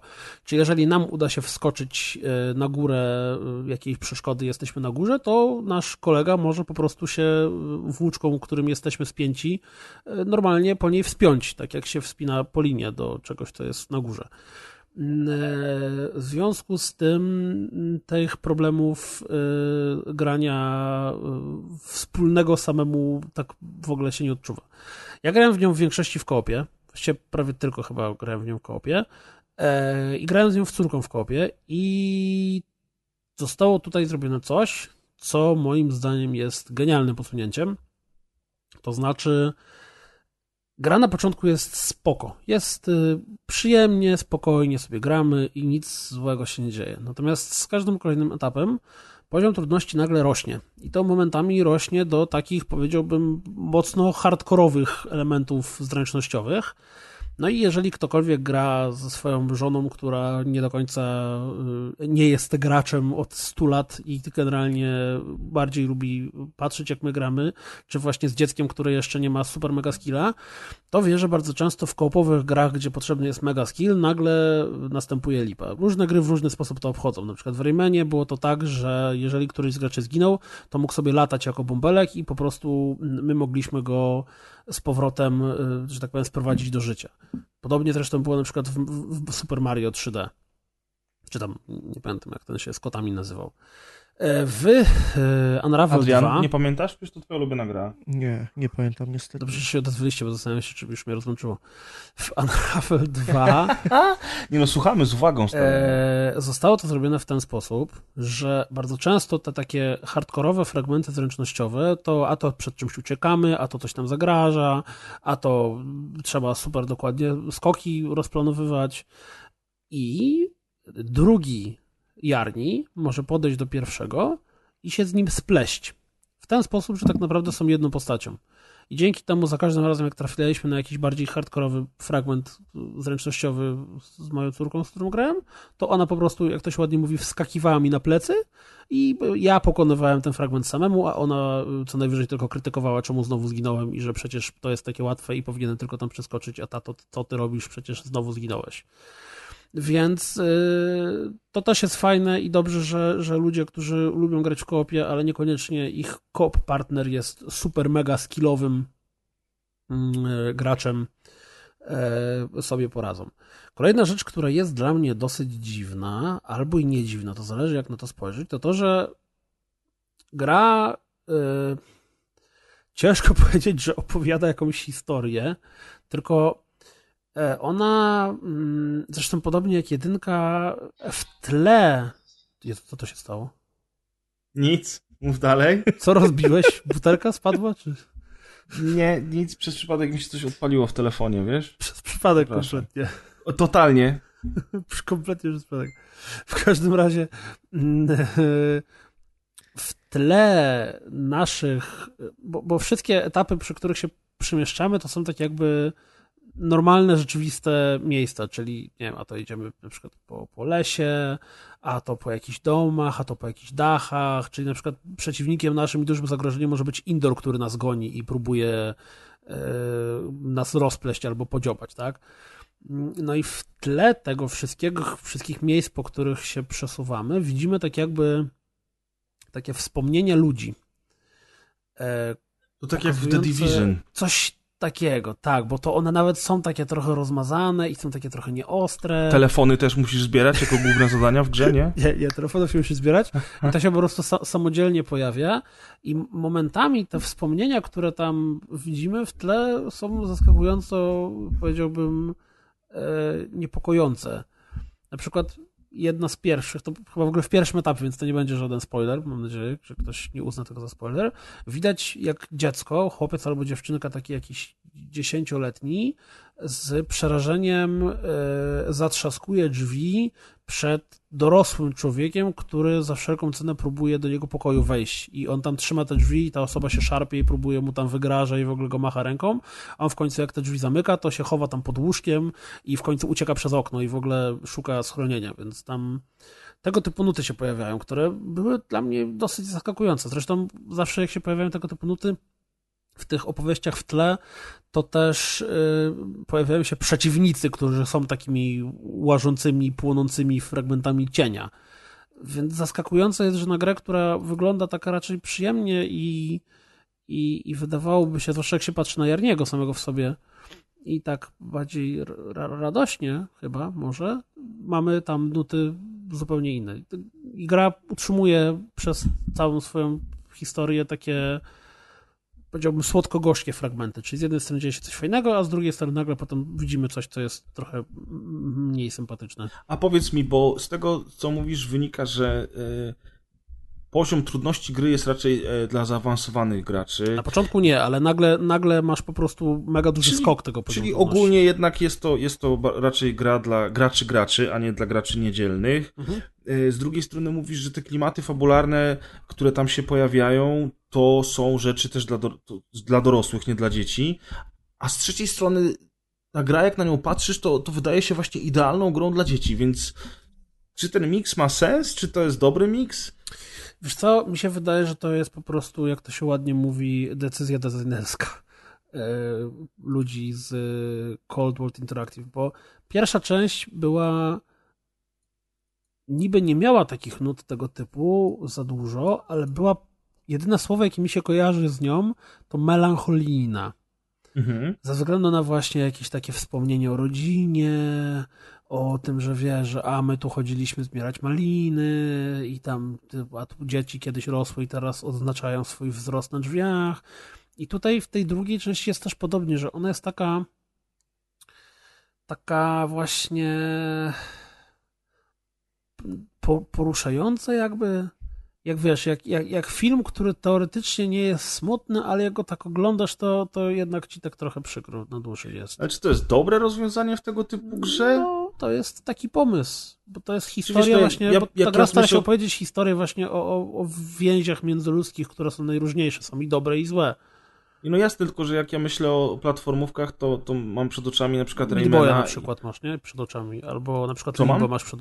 Meat Boya, albo Limbo, albo na przykład... No, no ale, ale wiesz, no Limbo, Limbo czy Inside to były właśnie ciężkie klimaty i one były, to nie były takie typowe platformówki, bo one, te etapy platformowe były tam super easy.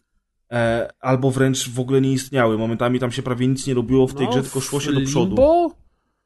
No w Limbo trochę więcej, ale tam, tam było więcej zagadek spo, tfu, społecznościowych, zagadek... Yy, środowiskowych, tak? Tego... Środowiskowych, tak. dokładnie. Więcej było zagadek środowiskowych niż takiego typowego platformera, natomiast z tego co widziałem w serii Unravel, to jednak tam trochę tego platformera jest więcej. No i dlatego stąd też moje pytanie, no bo jak zawsze jak u was jestem i twoja córa gra w Raymana, to ja widzę ten super rytmiczny, mega kolorowy, fantastyczny etap, gdzie tam biegniesz i w rytm z danej muzyki skaczesz i to jest super, to jest fajne dla dzieci.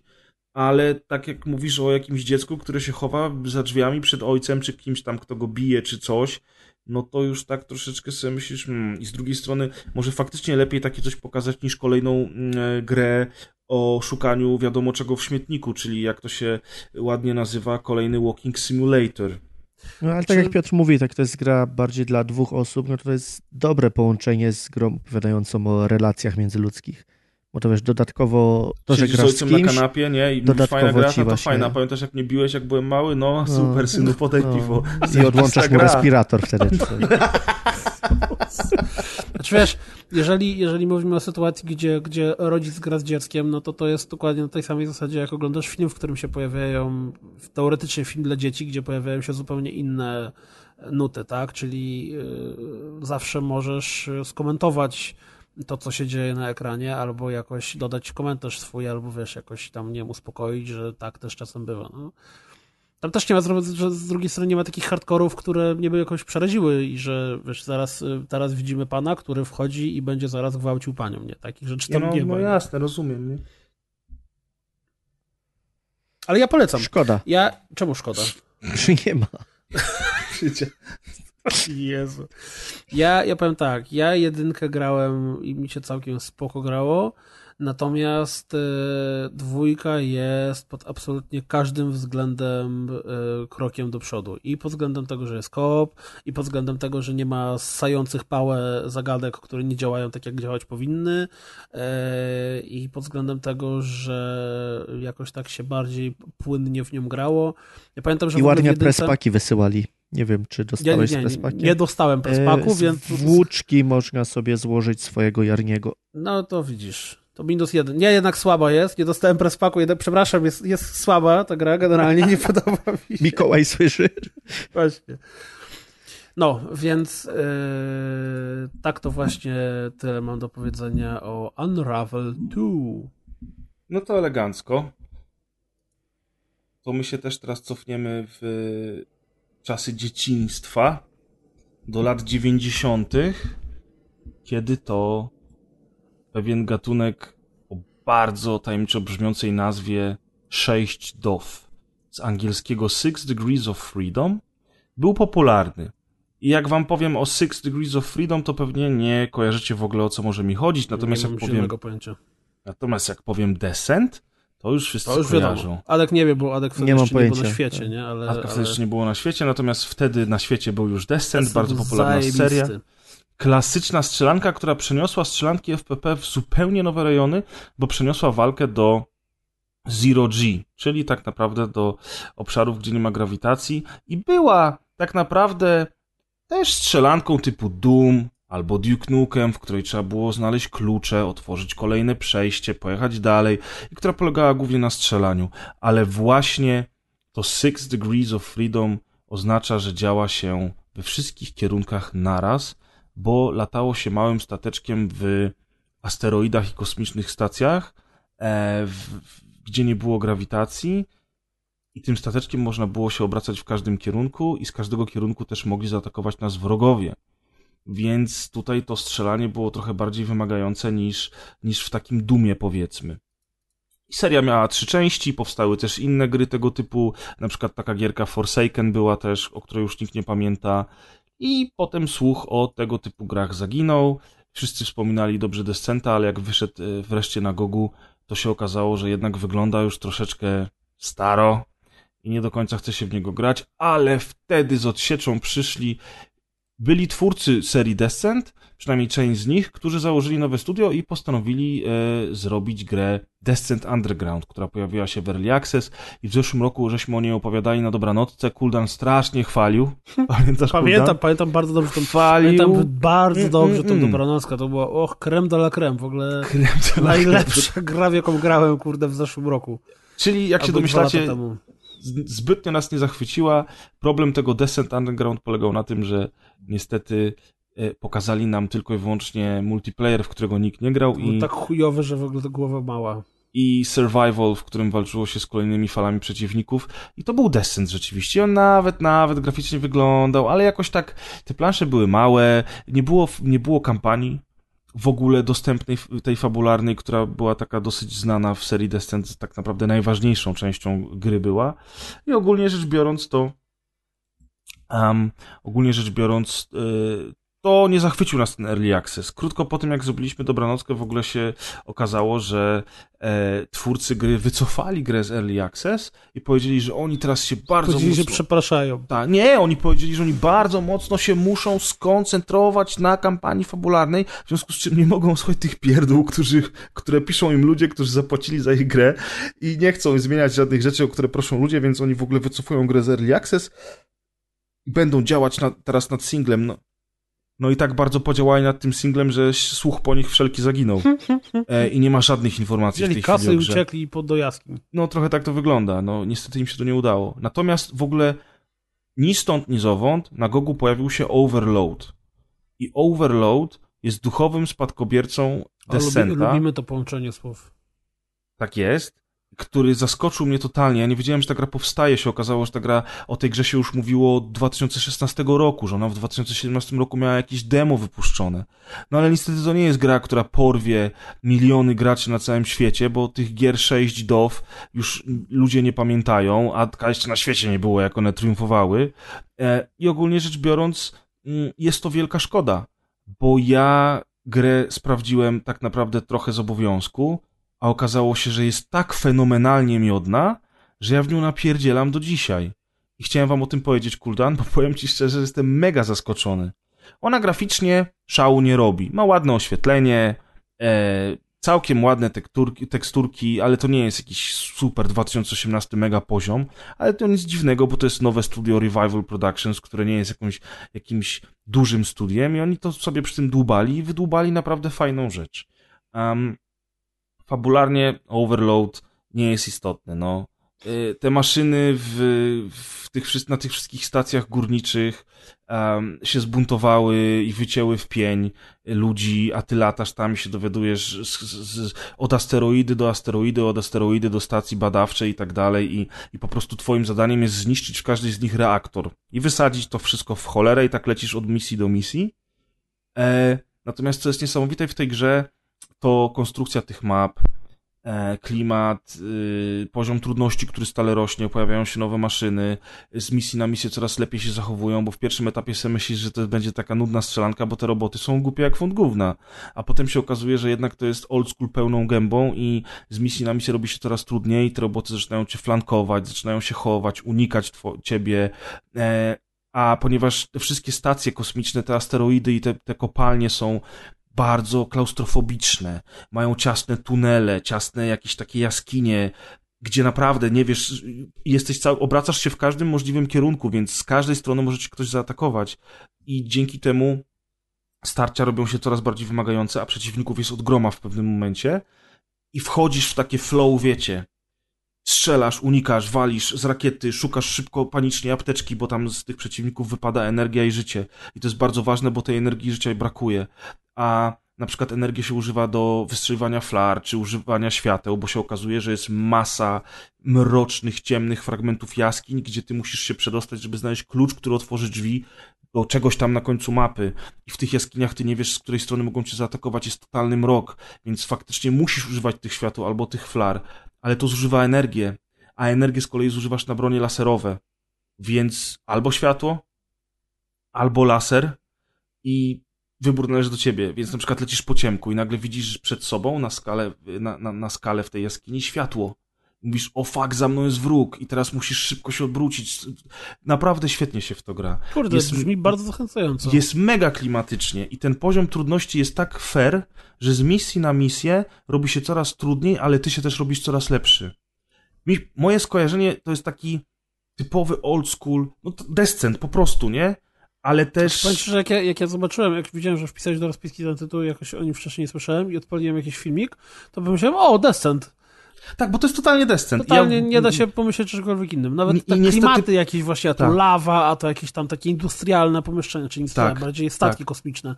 To totalnie, totalnie to. bo- no Przeciwnicy bo to jest słabo descent. wyglądają, szczerze mówiąc, tylko. Wiesz co, tak, ale... W, w, takie roboty z wielkimi oczami.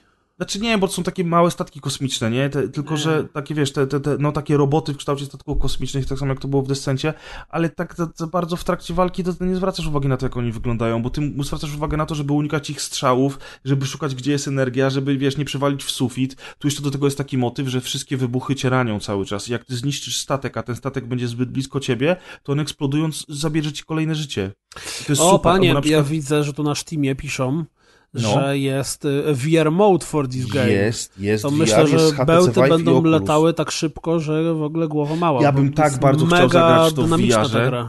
Tak, ja bym bardzo chciał zagrać w to VR-ze, bo ta gra jest mega dynamiczna, mega klimatyczna i też ta klaustrofobia w VR-ze może być całkiem fajnym doświadczeniem, powiem ci szczerze. Natomiast, no, natomiast VR-a nie mam. Więc tak, gdyby oni mieli licencję na tytuł Descent, to na pewno byłoby o tej grze głośniej, a ponieważ licencję na tytuł Descent mają ludzie, którzy totalnie dali ciała i zniknęli Robią w tej chwili teraz. E, to, to, to gra nazywa się Overload, ale ja bardzo mocno ją polecam. Ja grałem tylko w kampanię, zresztą nadal gram, bo sobie dozuję te misje i po prostu tłukę sobie, mam w tej chwili 6 godzin wbite w grę i wiem, że będę grał dalej. Jeszcze wyłączam w ogóle muzykę z gry, odpalam sobie moją playlistę Synthwave na, wiesz, na, na Spotify'u i jest po prostu, to jest taki relaks i taki fan, a jednocześnie jest na tyle duże wyzwanie, że trze- trzeba się postarać. I jak zginiesz bardzo często, to teraz, tak jak w Dark Soulsach, to faktycznie ty wiesz, że zginąłeś z własnej winy, a nie, że to jest błąd gry albo coś było nie fair. Po prostu naprawdę musisz pamiętać o wszystkim, zastanawiać się i no i też w, w miarę zręcznie tam y, sobie latać po tych, po tych W obszarach. ogóle nie wiem jak na Steamie, bo tego nie mogę znaleźć, ale widzę, że na Gogu y, jest y, coś, co się nazywa Playable Teaser, czyli domyślam się, że Jest demo. demko. Jest demko, warto sprawdzić. Możecie zobaczyć też na naszym kanale y, rozgrywkę bez komentarza z tej gry, a dzisiaj na fanpage wrzuciliśmy dosłownie minutowy filmik y, z taką bardzo ciekawą akcją z gry, więc jeżeli to was nie zachęci, to, to raczej nie jest to gra dla was, ale starych byków takich jak ja i Kuldan y, naprawdę namawiam, sprawdźcie to demo, bo ta gra jest mega miodna. Ładnie, ładnie. A powiedz mi, czy mega miodny jest y, Vermintide 2 Warhammer na Xboxa One X w tym przypadku twoim? Tum, tum, tum. Bowiem gra wyszła y, na PC jakiś czas temu i wszyscy się, znaczy wszyscy, ty i Maciek się nią zachwytaliście, rozpływaliście i w ogóle Amazeballs i tak dalej. Zdobyła bardzo dobre recenzje i Tak, zajebiście sprzedała dobrze się, się, bardzo sprzedała. dobrze i twórcy są w ogóle szczęśliwymi misiami pełnymi y, słoików z miodem. No i wypuścili grę na Xbox One. Co więcej, wypuścili ją w Game Passie. Tu, tu, tu. Na Tak, premierę ona się od razu. pojawiła na premierę od razu w Game Passie. Yy, I pan Gunnar, nasz ulubieniec ze studia Fatshark, podesłał nam kodzik, więc, więc postanowiłem sprawdzić grę na Xboxie. Bo ja miałem szczere obawy, jak taka gra będzie chodzić na Xboxie, no bo Bo ja tutaj jedna... dodam, że jak był etap bety otwartej, czy tam zamkniętej, nie pamiętam, No. to chodziła bardzo tak sobie. No, to jest jedna z ładniejszych gier, jakie w tym roku wyszły i, i, i na PC ona totalnie miażdży jaja, e, w związku z czym bałem się tego, co to będzie na Xboxie. No ja mam Xboxa One X e, i na tym Xboxie gra chodzi bardzo dobrze. Wygląda prawie tak dobrze jak na PC. Oczywiście niektórych elementów jakby, czy tam sztuczek nie ma i ogólnie rzecz biorąc jest tak troszeczkę jakby minimalnie, minimalnie w dół z opcjami, jeżeli chodzi o, o ogólną jakość oprawy, ale to i tak jest bardzo ładnie. To i tak jest jedna z ładniejszych gier w tej chwili dostępnych na Xboxa. I chodzi też bardzo dobrze, natomiast to nie jest ta płynność, którą, która była na PC. Tylko weźcie poprawkę na to, że jednak ja jestem pod tym względem troszeczkę pierdolnięty. Ale to Troszeczkę. nie jest. Troszeczkę, ale to nie jest aż taka płynność e, i tak, e, jak, jaka była na PC. Plus mam wrażenie, że trochę na tym padzie od Xboxa. Ja grałem na padzie od Xboxa w wersji na PC, natomiast na Xboxie mam wrażenie, że jest trochę lag przy poruszaniu tą postacią. Jakoś tak, ale to się da ustawić w opcjach, więc, więc można sobie tam do, do, dowolnie wybrać. Więc gra jest dalej bardzo ładna. Na pewno y, tak samo miodna jak była, bo to jest ta sama gra. Tam nie ma żadnych zmian takich większych. E, I, I chodzi naprawdę ok na tym Xboxie One X, więc ja polecam bardzo mocno, bo to jest mega zabawa w kooperacji. Oni tam dodają jakieś rzeczy, tam teraz się pojawiły w ogóle daily challenge, takie jak w Call of Duty na przykład, że na przykład zagraj dwa razy postacią rycerza, albo rozegraj trzy mecze z szybkiej playlisty i wtedy za to dostaje się skrzyneczki, nie? Bo tam z tych skrzyneczek dostaje się sprzęt. Skrzyneczek się nie da kupować normalnie, w tej grze nie ma mikrotransakcji, natomiast one się pojawiają jako nagrody za, za przechodzenie misji i właśnie za robienie tych różnych challenge'y. E, a co do samego, samego quick starta, czy tam quick playa, jak to się tam nazywa, to niestety nie znalazłem meczu z ludźmi. I nie wiem, z czego to wynika, czy ja miałem za niski poziom, no bo ja wiadomo, że ja przyszedłem grę na PC, teraz tylko tak troszeczkę się bawiłem, więc jakoś tam nie rozwijałem za bardzo tej postaci, ale, ale nie znalazłem y, nikogo do grania, więc grałem z botami. Na szczęście boty są całkiem spoko i, i, i da, radę, da radę pograć y, z nimi, chociaż ostrzegam, że gra jest bardzo trudna i jednak lepiej znaleźć ludzi do, do grania wspólnego, chociaż przy tym Game Passie to nie powinien być problem, nie? Ile teraz Game Pass kosztuje? 5 dych? Cztery Chyba- dychy chyba. Oni chyba podnieśli cenę, nie? Z tego Chyba co... podnieśli właśnie do czterech dych. No, ale z tego co mi się wydaje, bo ja mówię oczywiście o Xboxie One X, no tutaj nie powinno być wątpliwości, że on sobie z taką gierką poradził. Yy, natomiast yy, ty mi mówiłeś, Kuldanie, że yy, zwykły Xbox trup, tak? Znaczy nie, trup. Y, wiesz, generalnie y, jeżeli ktoś jest wrażliwy albo bardzo wrażliwy na to, jak gry działają, no to niestety na zwykłym Xboxie już y, nie za bardzo powalczy. I... Te gry, mówimy o tych grach multiplatformowych tak, tak, oczywiście. oczywiście. I nowych grach multiplatformowych. Więc cieszy mnie to, że na, na Xie wszystko działa, działa good. Wiesz, Chociaż... no ale gdyby, gdyby to nie działało na X, to by była porażka jednak. No ale tak trochę, było nie? przy tym becie. Właściwie cała głównoburza była przy becie, że ta gra działa tak sobie, mówiąc delikatnie. I okazało się, że jednak od bety udało mi się do premiery wszystko, wszystko tam po, powygładzić. Nie, no jest gitara, jest gitara. A przy okazji sobie przypomniałem, jak to jest dobra gra po prostu. No ja, ja po prostu pamiętam jak z Maćkiem żeśmy się zachwycali nad grafiką i nad gameplayem i, i ta gra, e, co prawda no nawet rok jeszcze nie minął od tej premiery PC-owej, więc to nie są jakieś wspominki teraz mocne, ale, ale to jest po prostu super tytuł, nie? To jest jeden z lepszych tytułów, które w tym roku wyszły. Więc jeżeli tylko macie okazję, to sprawdźcie to. No dobrze. I to by było na tyle. Tak, to, to by było na tyle, moi drodzy. Chwała no Imperatorowi, walczcie z chaosem.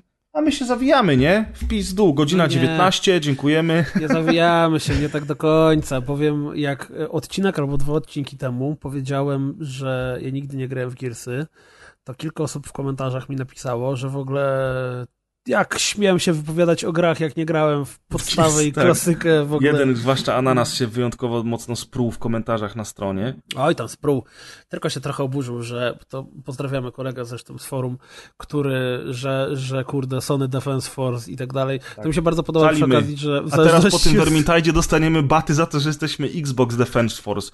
Tak, tak, standard. Wszystkie kieszenie mnie mają, dużo te kieszeni, bo ja taki wielki. A i tak nie dostajemy tych, co te Unravel, co Adek się pytał, czego ty nie dostałeś? Presspack, tak. Presspacka i tak nie dostajemy, ale siedzimy w każdej kieszeni. Cicho, nieważne, nieważne.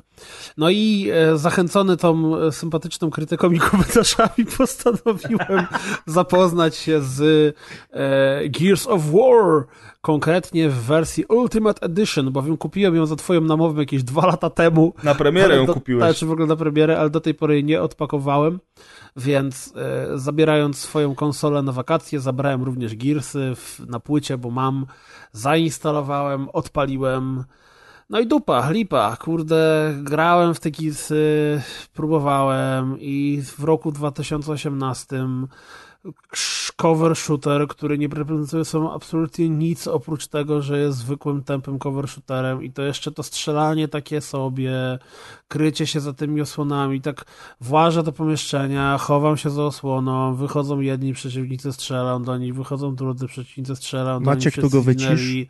Poczekaj, Maciek poczekaj. wytniesz. ja już znam finał idę, tej opowieści, dlatego siedzę cicho. Idę Normalnie do drugiego już pomieszczenia, mięsem, kryję się za skrzynką, wychodzą, nie wychodzą, no i tak gram pół godziny, godzinę. Uznałem, że dobra, wolę iść spać niż grać w te girsy. Napisałem, co wiedziałem. Tomek z, z kolaudacji napisał, że nie mam serca i duszy. Grzegorz y, powiedział, pogrę jeszcze trochę. Chciałem, okej, okay, pogram jeszcze trochę, może pogramy w koopie. Usiadłem do gry następnego dnia, odpaliłem. Jakoś to strzelanie już trochę lepiej poszło. Jakoś przyzwyczaiłem się do tego, jak to tam wszystko ma działać i w sumie pokonywanie kolejnych przeciwników y, zaczęło sprawiać jakąś przyjemność i radość. Potem jeszcze dołączył się pres i w kopie ta gra po prostu pokazała y, totalnie pazurki i y, pokonywanie kolejnych przeciwników sprawiało coraz więcej przyjemności, satysfakcji i radości. Press przy okazji czuł się jakby grał na kodzie na nieśmiertelność, bo ja grałem na normalu, a w Ultimate Edition jest tak, że poziom trudności jest dla hosta, czyli Press też miał normal, a on zazwyczaj gra na hardkorze, więc czuł się jak y, mały pan i władca wszystkiego, chociaż też mu się zdarzało zginąć. O tak. Nie raz i nie dwa, co było zabawne. Przy okazji y, mówił, czekaj, tu nie idź, teraz pójdź za tamtą ścianę i rozwal ją, tam znajdziesz znajdźkę. Mówię, co? O, faktycznie, znajdźka. No i nagle się okazało po jednej sesji z prezem, że kurde, to ja się nie mogę doczekać wieczoru, żeby odpalić te Gearsy i w nie dalej pograć, bo mimo i, i, i szczerze mówiąc po przejściu ich całych, I, bo i grałem i z Prezem, i grałem samemu też, więc to nie jest tak, że tylko w kopie jest super, a samemu było dno. Nie, nie, nie. Grę kończyłem w ogóle i bossa ostatniego i tak dalej w singlu. I totalnie nie pojmuję, jak to jest, że ten pierwszy kontakt z perspektywy dzisiejszego czasu, dla kogoś, kto nigdy w życiu z tą grą nic nie miał do czynienia, jest taki strasznie odstraszający. Co więcej, jak pisałem dzisiaj na grupie w naszych wspaniałym wydarzeniu o, o kończeniu gier o tym, to tam się chyba Bogdan pojawił, który też skomentował, że on grał godzinę i totalnie nie ma ochoty grać dalej. Więc może faktycznie, bo wiecie, nie da się spojrzeć na grę, którą dobrze znacie z perspektywy osoby, która w nią nie grała. No I tak. też zupełnie inaczej odbiera się grę, nie wiem, z którego roku są Gearsy? 2008? Wcześniej. Z kiedy? 2008 to chyba dwójka była, wiesz? No. Więc nie da się spojrzeć na grę, która ma 10 czy tam nawet więcej lat yy, z perspektywy roku 2018, jak w pierwszym kontakcie. To jest dokładnie to, o czym często rozmawiamy, czyli co czują ludzie, którzy dopiero teraz zaczynają swoją przygodę z grami i słyszą o tym, że to ten pierwszy Fallout to taki zajebisty, o mój Boże, legenda gier. Ale słowo złe powiesz o Falloutie i będzie normalnie wojna. Nie no, trójeczka jest super. Oj, oj Adek, Maciek, tu wyciszysz Adka, nie? Dzięki. No a, ty, a ty próbowałeś grać pierwszego Fallouta?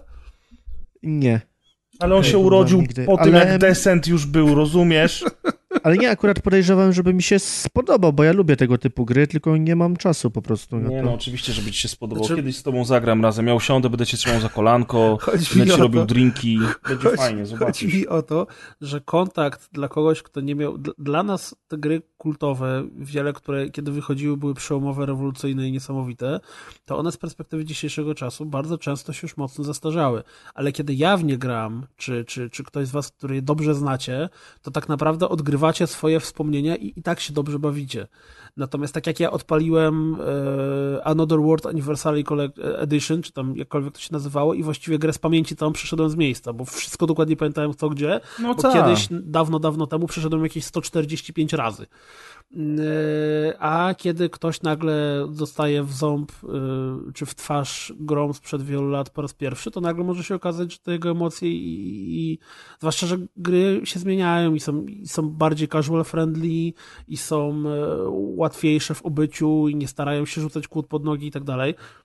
Ja Na przykład to, co było wybitnie zmian. słabe w tych Gearsach, w które graliśmy razem, I to ewidentnie, dla, dla mnie szczerze, to w przeciągu całego, całej tej historii, to, to był jeden etap, który się wybijał na minus czyli jeżdżenie samochodem i strzelanie do ptaszków z tego no tak, światełka. No, Co ty, przecież to super było, jak w Pitch Blacku. No, to może było super 12 lat temu, ale powiem ci, że teraz, z perspektywy dzisiejszego czasu, to było drętwe i nieatrakcyjne i tylko chcieliśmy, przez to, że zginęliśmy za pierwszym razem, to za drugim razem po prostu już mieliśmy nadzieję, że tylko uda nam się to przejść. Znaczy ten etap jest, jest znany z tego, że on jest niestety dosyć drętwy, jeżeli chodzi o gameplay. On ma klimat, Adrian, to się zgadza ale mhm, on no tak. rzeczywiście, on nawet w tym remasterze, no bo Ultimate Edition to już jest wersja zremasterowana, zresztą ja mam problem z nazywaniem tego remasterem, bo tam wszystkie modele są zrobione od nowa, tekstury są zrobione od nowa i nawet ścieżki dialogowe są nagrane przez tych samych aktorów od nowa, więc tak naprawdę to powinniśmy mówić o, o remake'u, a nie o remasterze, no ale tam pal licho o nazewnictwo. Natomiast faktycznie jak Kuldan zaczął grać, to mówi do mnie stary, ale w tej grze tylko się przykleja do osłon i się strzela i to jest tak naprawdę dosyć nudne. Ja mówię, no tak Piotr, ale to była pierwsza gra, która wprowadziła tego typu rzeczy. Znaczy, pierwszą grą tak naprawdę był Kill Switch Engage. I to jest gra, o której świat zapomniał. Ona pierwsza była, to był pierwszy cover shooter. Zaraz po nim pojawił się właśnie Gears of War. Gears of War w ogóle jest z 2006 roku, tak, tak między innymi. Tfu, tak by the way. Więc 2006 rok, także, także sporo lat już za nami. E, I rzeczywiście z perspektywy gracza Anno Domini 2018 to może być monotonna gra o jednym, o szczelaniu i przyklejaniu się do osłon. Ale tak naprawdę wtedy to była nowość. A jeżeli weźmiesz do tego całkiem niezłe AI na wyższych poziomach trudności, bo na normalu to, to, to jest w miarę okej, okay, mm, możliwość flankowania i tą współpracę z drugim graczem, kiedy jakby zupełnie inaczej się wtedy podchodzi do tego, bo podchodzi do tego bardziej taktycznie, to wtedy to była naprawdę innowacyjna produkcja. Ty, Adrian, pamiętasz swoje pierwsze spotkanie z Gears of War? Szczerze mówiąc nie pamiętam jak to było, ale pamiętam właśnie tą misję z samochodem, o dziwo pamiętam bardzo fajnie, że mi się w nią dobrze grało, ale być może dlatego, że tak jak mówisz, ona klimatem raziła, a nie gameplayem, a to jest coś, co bardziej się zapamiętuje. No właśnie, ale nie? nie pamiętam, że był znudzony tym, że tylko się strzela i chowa za osłonami. No na pewno nie byłeś znudzony wtedy. Pytanie bo, bo brzmi, czy teraz wiedziałem, rzeczywiście... że No. Teraz nie wiem, jakby to było. Ale wtedy wiedziałem, że to jest właśnie gra o tym, że dostanę gra o, o wielkich No właśnie, osiłkach. A wiesz, jaka jest różnica? Że teraz mamy tak, że nawet gra, która jest w cudzysłowie prostą strzelanką, to a tu coś expisz, a to rozwijasz postać, a to masz dodatkowe, a to broń rozwijasz, a to są elementy Czyli nowy God of RPGowe, War. Tfu! a to jakieś tam QTE się pojawia, a to, a to sroś tam, a to gdoś tam, a to coś tam. A Gearsy to, jest po prostu cover shooter, kropka. To jest gra, w której kryjesz się za osłonami i strzelasz do przeciwników. I A jak tak. myślicie, jakie gry wychodziły wtedy? Jakieś Dajesz, tytuły, co wyszły też nas. w w tym roku? 2006 roku, Ja nie pamiętam zupełnie. no, na ty przykład- otworzyłeś, więc pewnie... Oblivion, Call of Duty 3, e, Bully. Dobry rok. Mm, Tak, Just Cause pierwszy, Hmm. Epizod 2 Half-Life'a. Czy byście postawili te gry na równi z Gearsami? Czy to jest ten sam rok? Powiem ci, że ja bym tych gier koło siebie nigdy nie postawił. No nie, no Gearsy, bo, bo Gearsy techno, technologicznie były naprawdę bardzo zaawansowane. I one wtedy graficznie y, przodowały. Zresztą no, to był tytuł startowy na, na, na, na konsolę 360 i on był bardzo głośnym tytułem. Y, dwójka zrobiła jeszcze większą furorę i w ogóle ta seria stała się kultowa. No ale to... Natomiast, y, poczekaj, ja muszę jedną, jedną rzecz dodać bardzo wyraźnie, bo ja słyszę już ten, te odgłosy klawiatur, które są w, w złości W wpisywane komentarzach. w komentarzach dokładnie, żeby nie było żadnej wątpliwości. Po tym pierwszym kontakcie, który był dla mnie skrajnie negatywny, uważam, że ta gra jest super.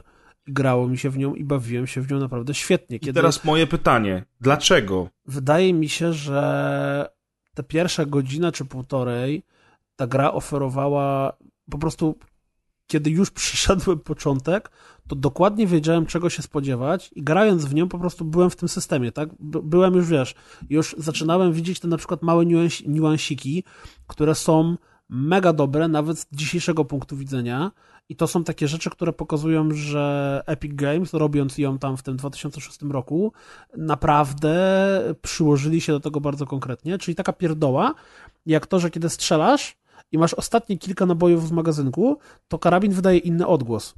Przez to ty wiesz, że zaraz będziesz przeładowywał, a ponieważ przeładowanie w tej grze jest bardzo ważne, to wiesz, że już możesz się nastawić do tego, że zaraz będzie ta minigierka z przeładowaniem.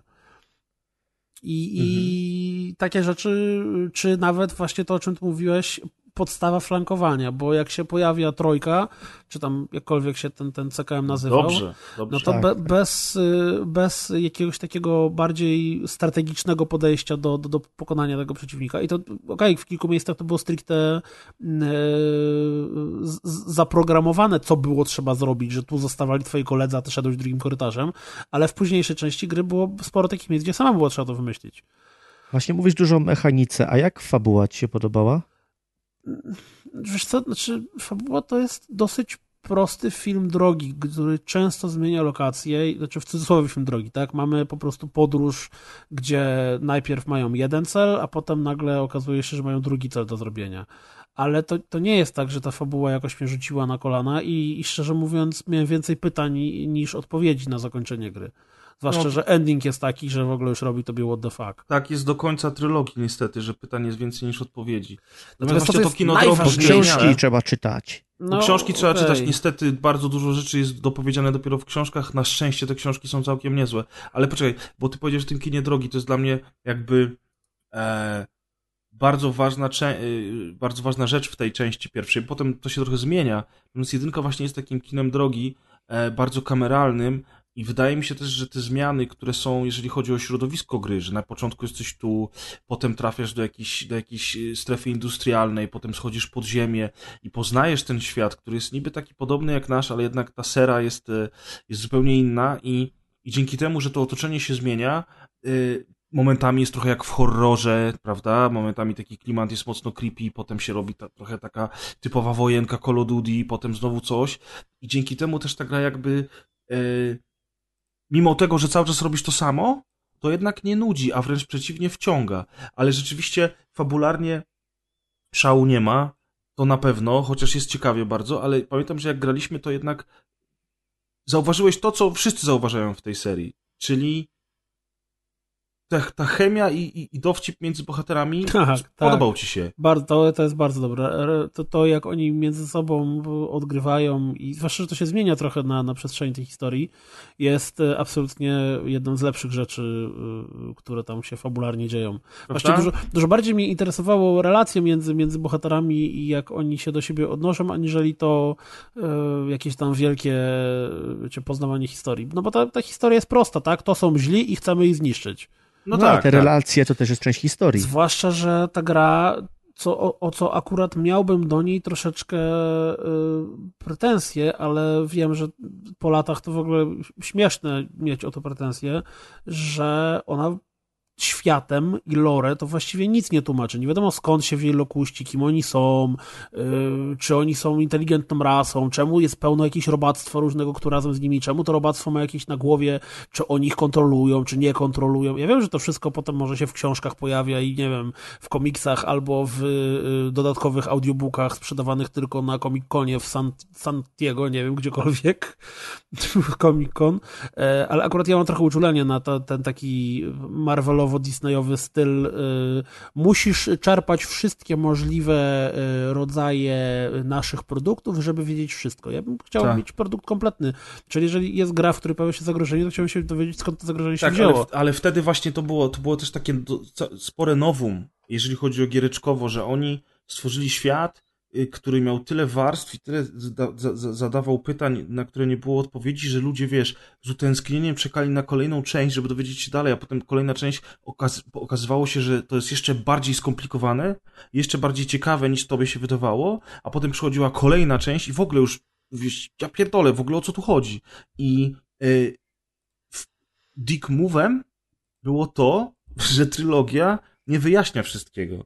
I bardzo wiele rzeczy, tak jak Adek powiedział, wyjaśniają dopiero książki. I na przykład, ale teraz mm, y, seria kontynuuje tę tradycję, bo na przykład czwórka kończy się y, dużym, dużym cliffhangerem i tak naprawdę premis piątki, to co oni zapowiadają, co ma się dziać w piątce, to tak naprawdę dla kogoś, kto przeszedł już grę i czytał książki, jest zapowiedź tego, że może wreszcie dostaniemy odpowiedzi na najważniejsze pytania, bo nadal nie mamy tych odpowiedzi, prawda, Adek? Ja nie pamiętam, nie mam pojęcia. Czy, Bo wiecie, ja, jak z moją, jak z moją twoją pamięcią, pamięcią? do... Tak. No, no okej, gier. no ale, ale ogólnie rzecz biorąc, książki czytałeś? Czytałeś. Nie, ja nie czytałem książek. Aha, bo ja akurat czytałem dwie, wy, wyszło książek pięć, natomiast dwie wyszły tylko w Polsce albo trzy.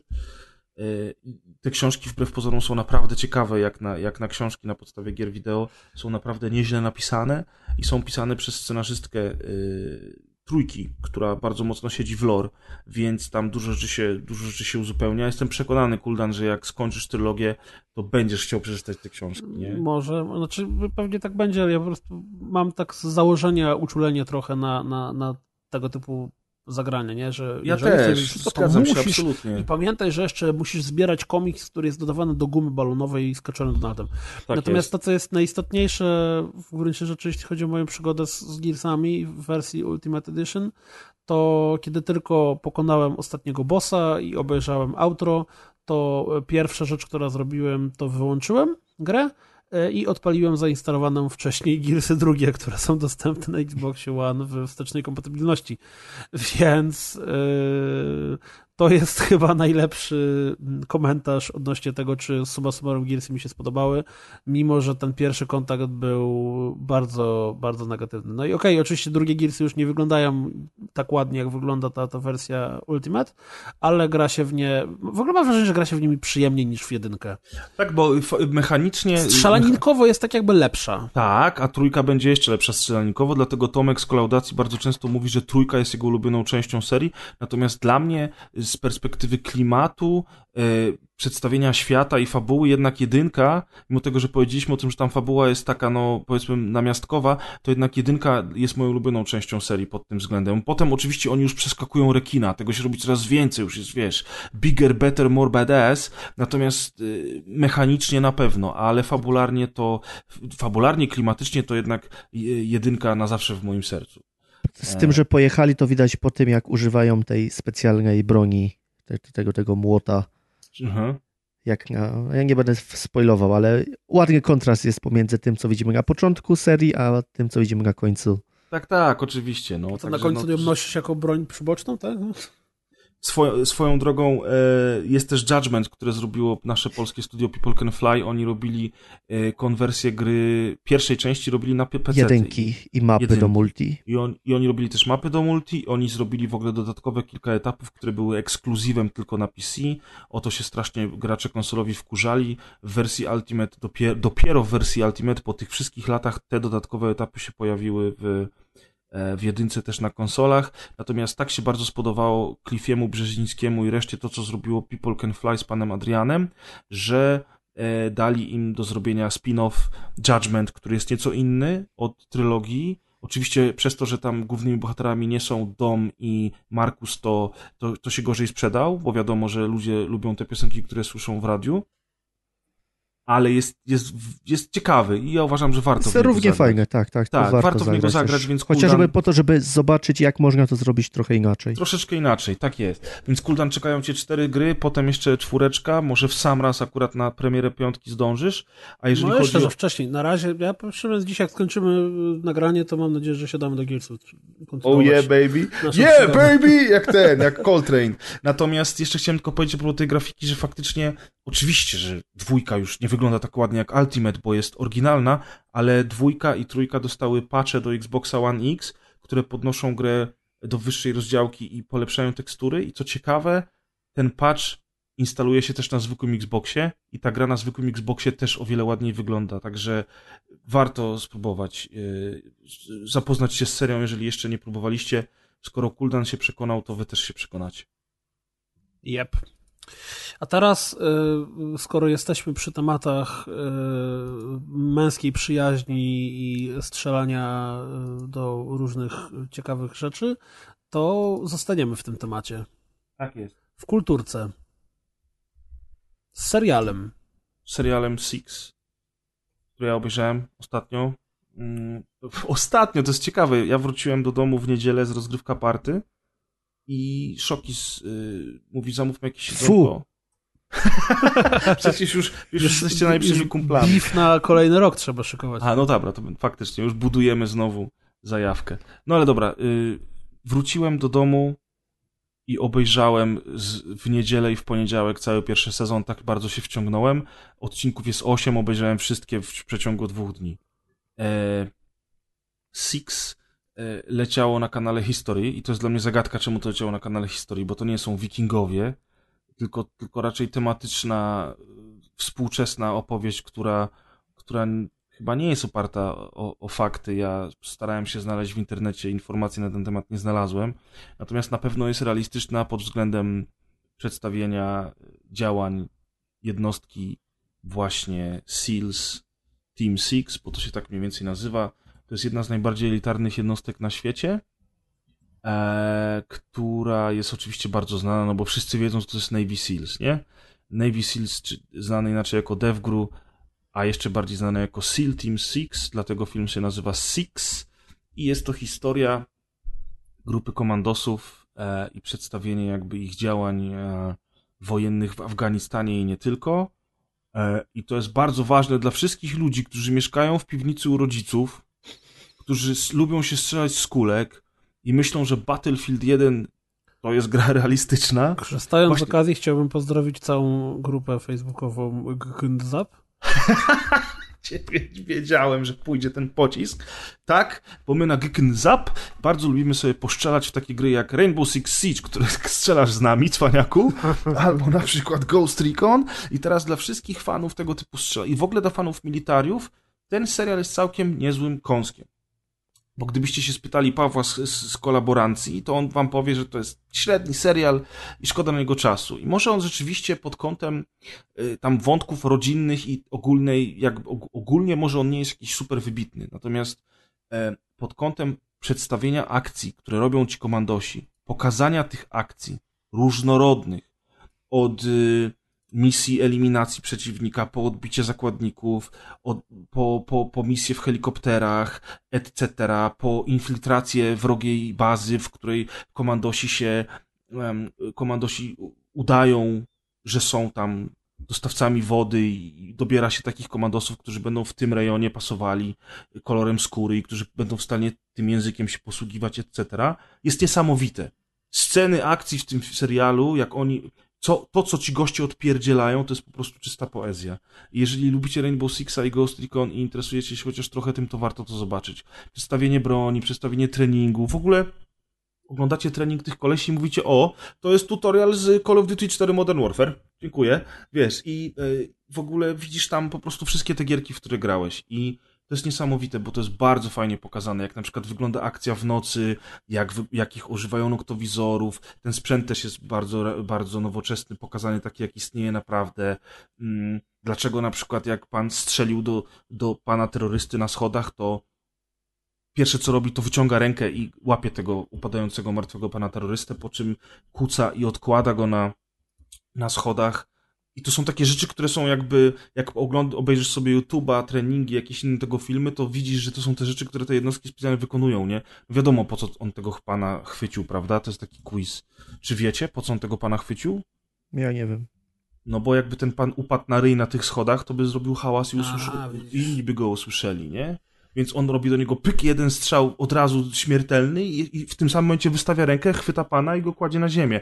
Niesamowite to jest. Albo flankowanie, bardzo często pokazane jest flankowanie w tym. To nie są tylko Gears of War, to się robi w rzeczywistości, wiesz. Jak na przykład wróg ostrzeliwuje się z ciężkiego karabinu maszynowego, oni rzucają dymny, kładą ogień zaporowy, a w tym czasie trzech komandosów idzie od lewej między samochodami, wychodzi z boku i pyk, pyk, pyk, pyk.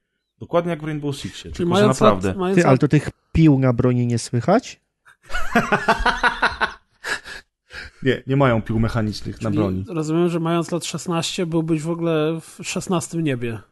Tak, ja miał 16 lat, w 16 niebie, natomiast jako, jako stary dziad y, bardzo, bardzo cieszę się tymi scenami wszystkimi akcji.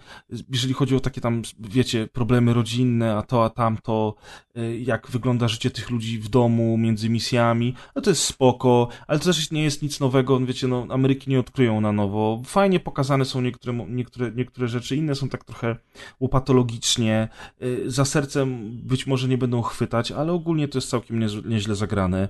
Jedną z głównych ról gra Walton Goggins, którego bardzo lubię i od dawna śledziłem go w serialu Justified. On potem zrobił większą karierę, grał między innymi szeryfa w Hateful Eight u Tarantino. Więc jak go zobaczycie, to na pewno skojarzycie, co to jest za pan.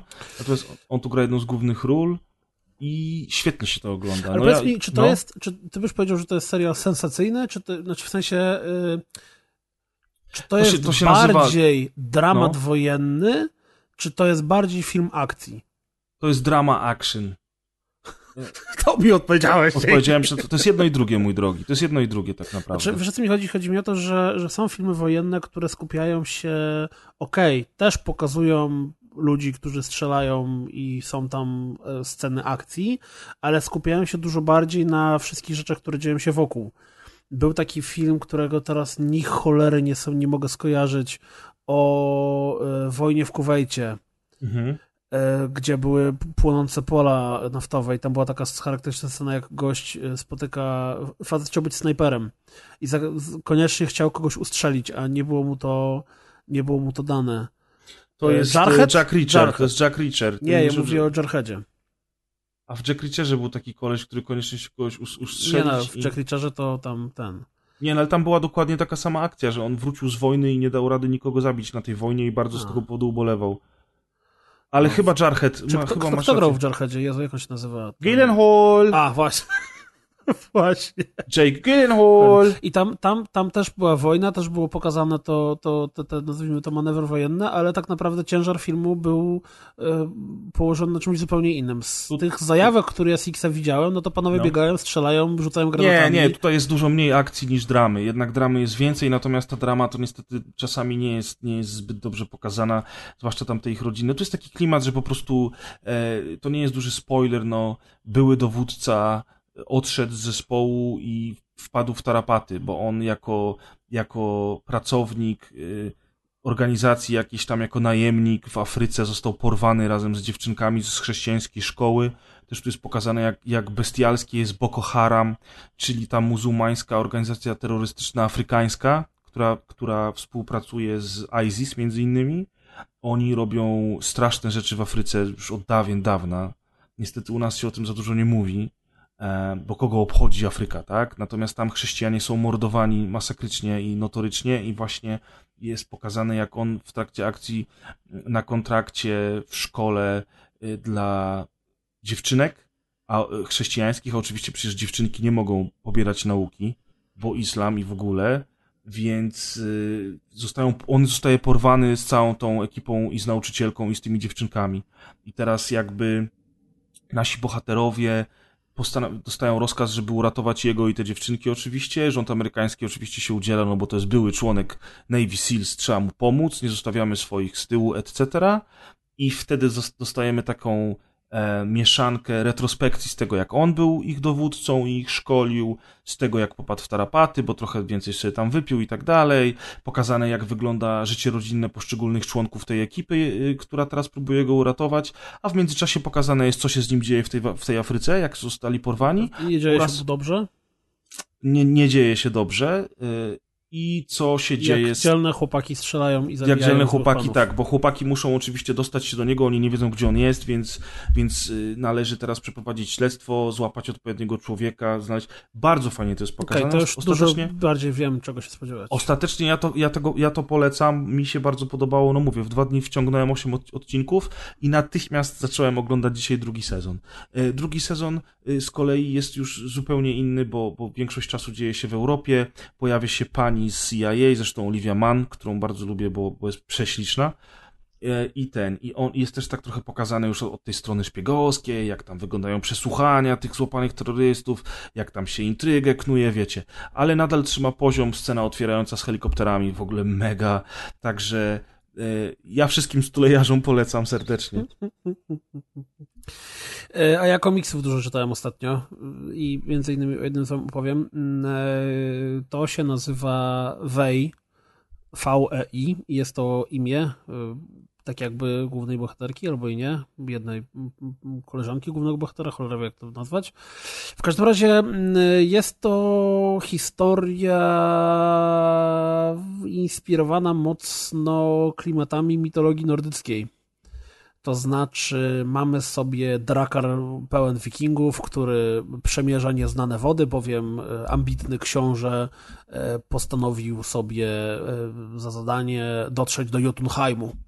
I on wie, że jeżeli dotrze do Jotunheimu i podbije Jotunheim, bo przecież on ma tu dzielną ekipę wojaków, no to kurczę, uzyska chwałę i w ogóle będzie zajebisty i wszyscy go będą uwielbiali ku chwale Odyna. No jak tak sobie płyną, to wy, wy, wyciągają z wody dziewczynę właśnie o imieniu Wei, która okazuje się, że pochodzi z tego Jotunheimu i pod wpływem, pod ryzykiem podrażnięcia jej gardła zmuszałem ją, żeby im pokazała drogę do Jotunheimu, pokazuję drogę do Jotunheimu, no i jak okazuje się, że jeden drakar pen wikingów w Jotunheimie znaczy mniej więcej tyle, co e, trzy komary, które próbują cię ugryźć. Zaskoczenie. Prawda? Powiedz, że Jotunheim to jest kraina olbrzymów. Tak, kraina olbrzymów. Tam pochodzi Loki z Avengersów. Wow. Dokładnie. No i e, generalnie historia komiksu dotyczy tego, że E, co ileś tam lat następuje walka między mm, olbrzymami z Jotunheimu, a e, bogami z Walhali. To tak, ładne wprowadzenie do dzisiejszego spoilercastu. Torem. I co, mamy dzisiaj spoilercast jakiś? Z God of War. Aha, okej, okay. faktycznie. I Torem i, i tym jego ekipą bogów, no ale przez to, że oni nie chcą się chlastać e, sami za sobą, no to olbrzymy wystawiają e, swoich potężnych, wspaniałych, cudownych wojowników, takich ludzkich wojowników, nie olbrzymów, tylko właśnie takich, e, znaczy taką jakby istoty, które wyglądają jak ludzie, ale na przykład różnią się tym, że są, że mają yy, źrenice odwrotnie. Właśnie widzę, że ta pani ma takie dziwne źrenice. Tak, i bo właśnie ta pani jest taką czempionką jednego z e, olbrzymów, a dla odmiany ekipa Tora wystawia e, różnych swoich faworytów, Walkirie i tym podobne. No i historia pokazuje właśnie różne pojedynki i tam się intryga wielka dzieje w tle i tak dalej, i tak dalej. W ogóle też jeden z wikingów z tego Drakaru przeżywa i zostaje, widzimy rodząco się wątek romansowy między panią a panem wikingiem. Ja tak mówię o tym trochę lekceważąco, bo to jest takie, miałem takie skojarzenie absolutnie z, y, użyjmy tego słowa w pozytywnym wydźwięku, z takim luźnym czytadłem. Znaczy, to nie Mhm. jest jakaś wielka, niesamowita literatura, ani, ani jakoś y, historia, która was w ogóle zmiecie z powierzchni ziemi, tylko to jest takie z przyjemnością siadasz sobie na kibelku, albo tam się robisz tak zwaną pozycję rozpierdoloną na sofie, bierzesz ten komiksik, tak sobie na luzaczku czytasz. Rysowany jest całkiem ładnie, y, te sceny walki są nawet ok, są zaskakująco mało brutalne, tam trochę krwi się leje, ale bez jakichś szaleństw. Dla odmiany jest trochę jakiegoś, a tu cycka kawałek się pojawia, a tam jakieś sugestie, znaczy nie sugestie, tylko jakieś tam właśnie zbliżenie między bohaterami, to tamto, siamto, wamto. E, A i- to jest napisane na stronie, że to jest klimat klasycznego, młodzieżowego, nordyckiego fantazy. O, to pięknie, nawet nie wiedziałem, że tak jest napisane. Absolutnie pięknie to pasuje. To jest właśnie młodzieżowe fantasy. Taki Conan, wiecie, mm, w wersji light, czy, czy wiem, że Conan nie był fantasy, no trochę był w sumie jednak, no okej. Mm, Nie był nordyckim. Taka lekka, luźna i przyjemna historyjka. Yy, można, jeżeli dostaniecie na jakiejś grupie komiksowej po taniości, to nawet warto. Yy, Czyli to nie jest Torgal. No to Orgal to to stanowczo nie jest. Tak A jak to mówię, się kupuje i jeden komiks, jest cała historia, e, to jest, czy... są dwa tomy i ja na razie czytałem pierwszy tom, czyli to jest realnie pół historii. E, No, ale dwa tomy to jeszcze nie tak źle, prawda? Tak, tak, tak, tak, tak, tak, tak, tak. No, więc y, nie to, żebym jakoś bardzo polecał, natomiast y, to nie jest tak, że to jest jakieś kompletne dno. Można. O, w skali y, trzeba, można unikać, to powiedziałbym, że można. Chcecie jeszcze o jakimś komiksie usłyszeć coś? Może nie dzisiaj, Dużo zostaw mam. trochę na następny. Panie, tyle komiksów przeczytałem przez ten wyjazd swój, że w ogóle mm, może... No i się nie zgadaliśmy, a miałeś mi pożyczyć. No, y, y, y, ten, prezowi pożyczyłem. Tak, i najlepsze jest to, że oczywiście ja zostawiłem go w knajpie, nie? E, ale na szczęście on spadł, bo ja go położyłem w takim miejscu ładnym i on tam spadł kawałek niżej, więc, więc nikt go nie zabrał i mój brat następnego dnia, jak był z Kazem oglądać finał mundialu, to, to odebrał ten komiks, także jest cały i bezpieczny i mój brat jutro wraca z Warszawy z delegacji i um, będę czytał. Okay. Wtedy możemy razem na następnym odcinku opowiedzieć. Ja już o nim opowiadałem, ten, który ci pożyczyłem. Jakieś trzy odcinki temu, nie było? Racja, wtedy. wtedy prosiłem cię, żebyś mi go... A nie, nie było mnie nawet wtedy, bo ja ci prosiłem, żebyś go pożyczył, bo to jest chyba Magnola. odcinek, gdzie byłem tylko z y, Atkiem. z Adkiem. Właśnie, Adek, ty dzisiaj jesteś taki strasznie cichy. Nie chcesz coś tam opowiedzieć, coś podokuczać, czy, czy zmęczony jesteś? Nie, ja jestem nowym człowiekiem po rozgrywka party, ja już nie dokuczam, ja teraz tylko tak... Głównie będę słuchał i obserwował, co robicie. Dobrze, przyjacielu. To ja wam rzucę tylko szybkie hasło, yy, yy, właśnie a propos grup, grup komiksowych i tak dalej. Nie, nie będę teraz mówił recenzji, ale jeżeli byście kiedyś trafili przypadkiem gdzieś na grupie komiksowej na komiks, który się nazywa Sex Criminals, albo gdybyście trafili na Visiona, czy też Visiona, e, który chyba ten run się zaczął w 2015 roku, tego z Marvela, to totalnie to są must ready. To są dwa tak dobre komiksy, które czytałem ostatnio, że w ogóle mm, korzystając z okazji jeszcze dorzucę, że zapisałem się do Marvel Unlimited z tej okazji, a na dodatek y, nie wiem, czy jeszcze trwa, możecie sprawdzić, może będziecie mieli szczęście. Była promocja, która polegała na tym, że Marvel Unlimited przez czas jednego miesiąca był dostępny za cenę 3 centów. E, A Marvel Unlimited to jest taka usługa typu Netflix, gdzie logujemy się i mamy jakieś 200 tysięcy komiksów do przeczytania na telefonie, tablecie albo y, na stronie www. A na Tyle już telefonie... komiksów kupiłem online'owo i żadnego nie przeczytałem. Nie mam pojęcia, jak się za to zabrać. Wiesz co, mm, e, nie wiem jak z mm, e, czytaniem tych komiksów z Humble Bundle, ale ta apka marvelowska, ona jest na tyle fajna, że tam możesz y, kliknąć sobie czytanie po kadrze. To znaczy, nie wyś... no bo na tablecie sobie wyświetlasz całą stronę i po prostu czytasz całą stronę takiego, trzymał komiks w ręku. Ale jeżeli czytasz to na telefonie, to możesz zrobić tak, że on tobie robi zbliżenie na konkretny kadr.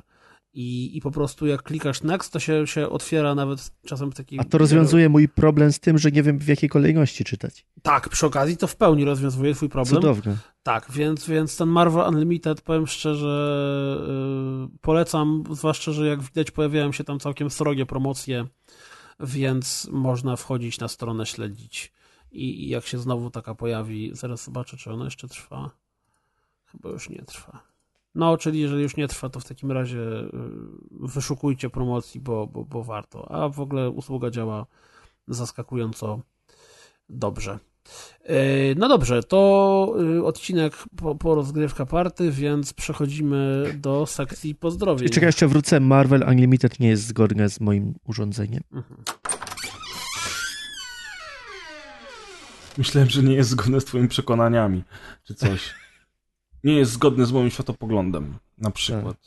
Ja- Zanim przejdziemy do pozdrowień, to ja tylko chciałem jeszcze wrzucić szybko sekcję reklamową, yy, w której nie mam niczego do zareklamowania. Najlepiej. Oglądajcie nasze dobranocki, dawajcie łapki w górę na naszym YouTubie. Pan Słuchajcie codziennik pana- wrócił! Właśnie Yeah, motherfucker! Słuchajcie pana codziennika, czytajcie pana codziennika. I to by było na tyle, a teraz pozdrowienia. Adrian, zaczniesz? Nie? eee, Mało dzisiaj od pozdrowień. krwawej Mary, tak? Tak. Pozdrawiam Marcin Ma11, który odgadł tytuł gry, ale nie odpowiedział na pytanie zawarte w zagadce. Nie uznaję. Czytajcie ze zrozumieniem tak, zagadki. spokojnie. Czytajcie ze zrozumieniem zagadki. Pytanie było takie. Who was the first boss in the game? Podcasty poprzednie nieprzesłuchane, bo parę rzeczy ciągnie się za mną jak smród po gaciach i muszę je załatwić. Ten jednakże posłucham, bo ponoć intro dobre. Edit 1, wiadomość z przyszłości, hehe, więcej takich plot twistów, więcej. Postaramy się. Pozdrawiamy i niech sprawy się układają. Jezu, ja e, właśnie skojarzyłem, poczekajcie, e, odpalcie muzyczkę z windy albo coś w tym stylu, możecie porozmawiać o Dobrze. czymś. Pam, pam, para, no, co, czemu nic nie mówicie? Adrian, Co? czy ty mnie słyszysz Aha. dobrze? Bardzo dobrze cię słyszę. Ja ciebie też Ja sobie muzyczkę z dobrze windy odpaliłem, ale... Aha, no widzisz. A u mnie jest taka ulewa, że mam nadzieję, że mikrofon tego nie zbiera. Już drugi dzień pada prawie, że non-stop. Naprawdę Ale wiesz co, bo była susza i tutaj wszyscy narzekali, że zboże wysycha i tak dalej, więc dobrze trochę pada.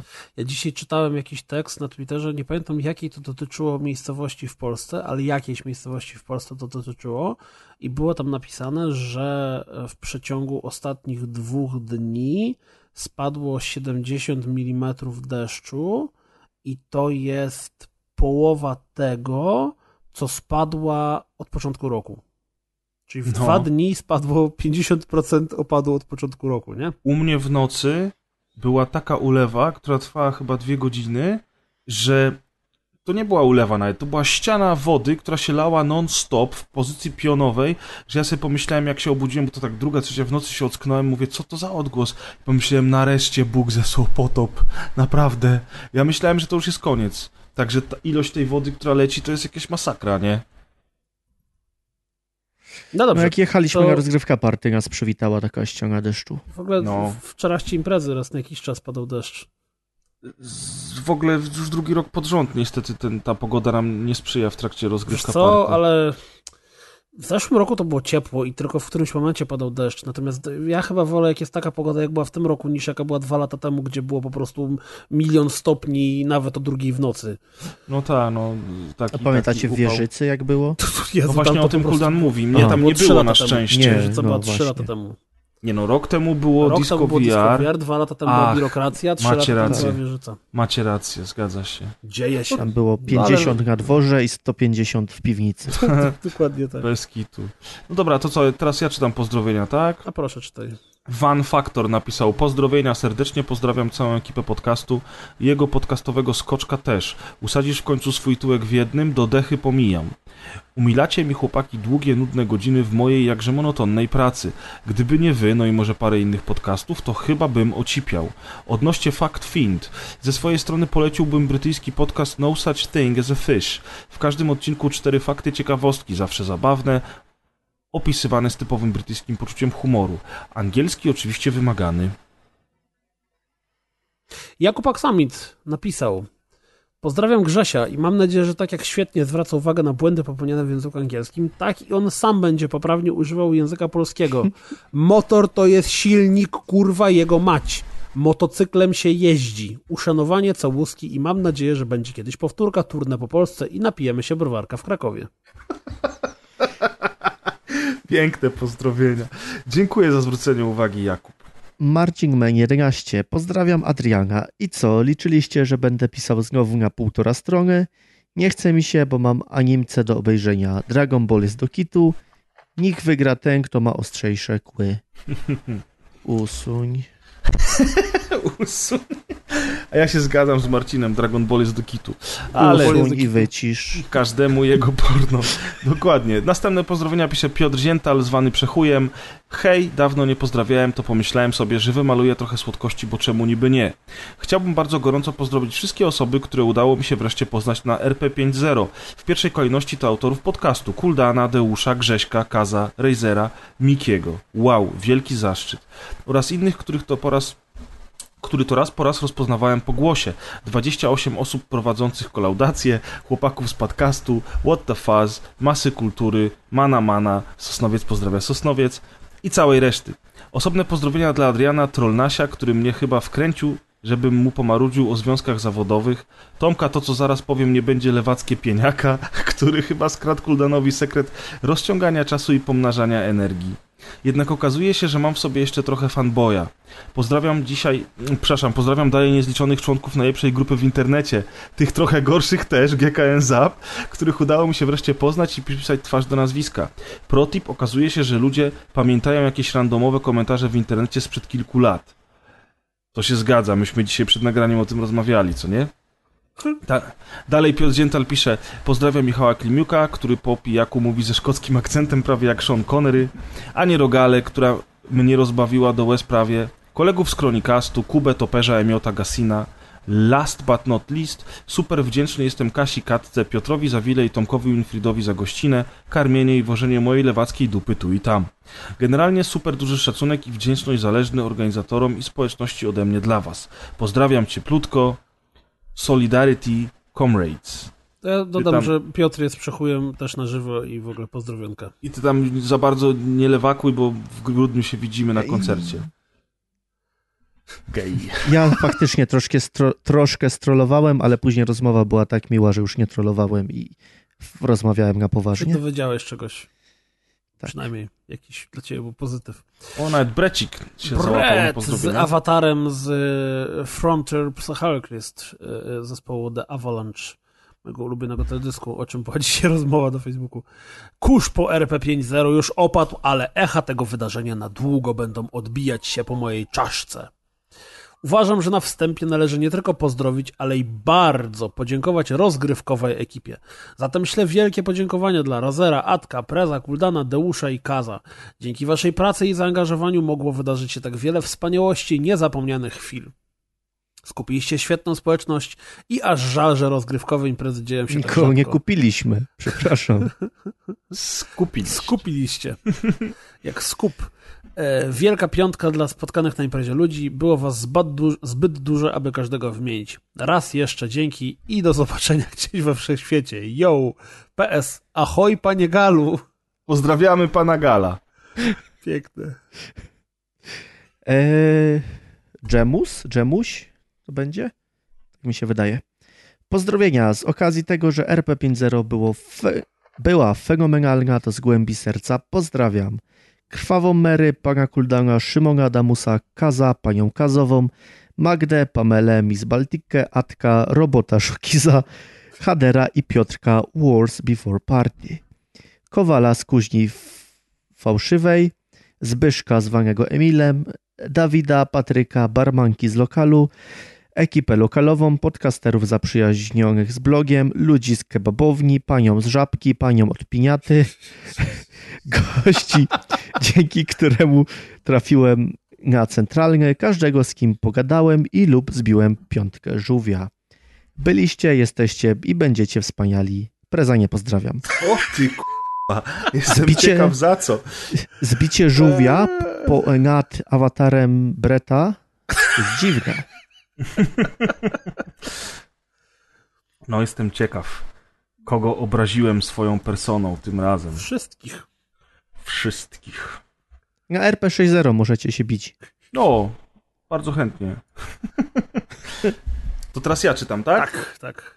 Jacek Liberski, pozdrowienia. Pozdrawiam wszystkich uczestników RP5, a w szczególności Tomka Azora Mazurka i dziękuję, że chciało mu się nadłożyć drogi do domu i odstawić dwie pijane, zbłąkane duszyczki do Radomia. I oczywiście pozdro dla ekipy nagrywających Preza, Kuldana, Atka, Rejzera, Deusza i Kaza.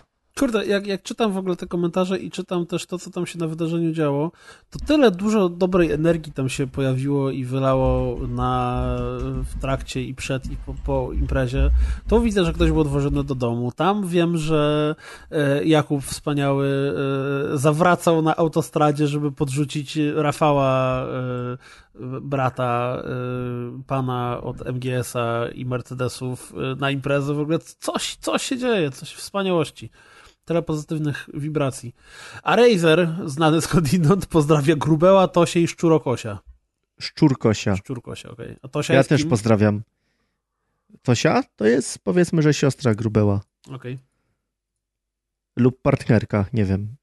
To jest różny, nie wiem jaki, jaki, jaki to jest związek. Ale również pozdrawiam gorąco. Incest? Są czy raczej super. Wincest? Raczej Wincest. Ja z Grubełem spałem, także nie wiem, to jest skomplikowane. Yy, teraz ja, tak? Donia. Tak. Tak. Ech, mam nadzieję, że jeszcze zdążyłem. No niestety zdążyłeś do nią. Również pozdrawiam wszystkich uczestników RP5, przede wszystkim osoby, bez których tego wszystkiego by nie było, czyli nagrywających. Super, że można było Was spotkać na żywo. Róbcie to, co robicie i oby do jubileuszu RP 10.0. Chciałem też pozdrowić Mroza, z którym mogłem się wybrać na tą wspaniałą imprezę. Tę. I Bartka, Pawła, Mateusza i Marcina, których spotkałem już na miejscu, już wiem skąd powiedzenie, co się działo na rozgrywka party, zostaje na rozgrywka party. Oh, chyba nie wiem, co się działo z Bartkiem, Pawłem, Mateuszem, Marcinem i Doniem. No, ale to zostaje na rozgrywka party, więc Oczywiście. już nie interesuj.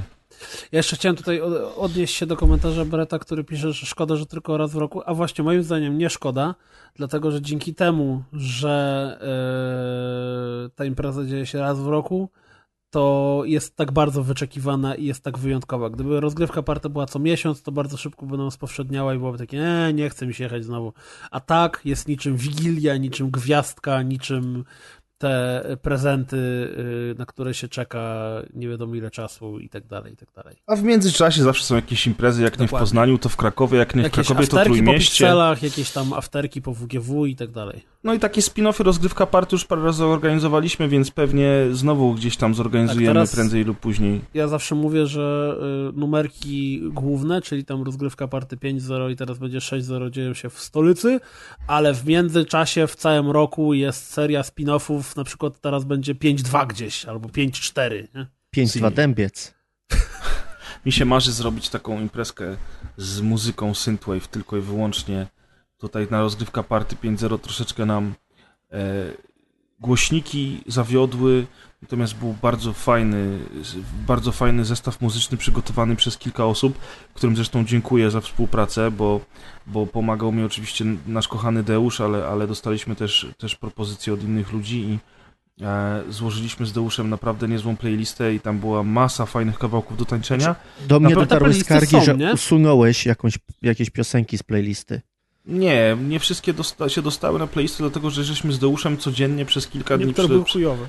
Znaczy to były słowa od. Deusza, więc Nie, y, a tak, tak, tak, usunąłem parę piosenek, on mi też parę usunął piosenek, tak żeśmy po prostu sobie, wiesz, ale dosłownie po prostu żeśmy siedzieli, słuchali, będzie super i faktycznie muzyka była super, ludzie jak ruszyli na parkiet, to naprawdę spora ilość ludzi ruszyła na parkiet, ale niestety problemy z dźwiękiem zaczęły się dość szybko. Natomiast a propos tej całej playlisty, tak sobie pomyślałem, że chciałbym zrobić jakąś taką imprezę rozgrywkową, taki spin-off właśnie z muzyką synthwave electro, czyli teraz powracające klimaty typu Gunship czy The Midnight.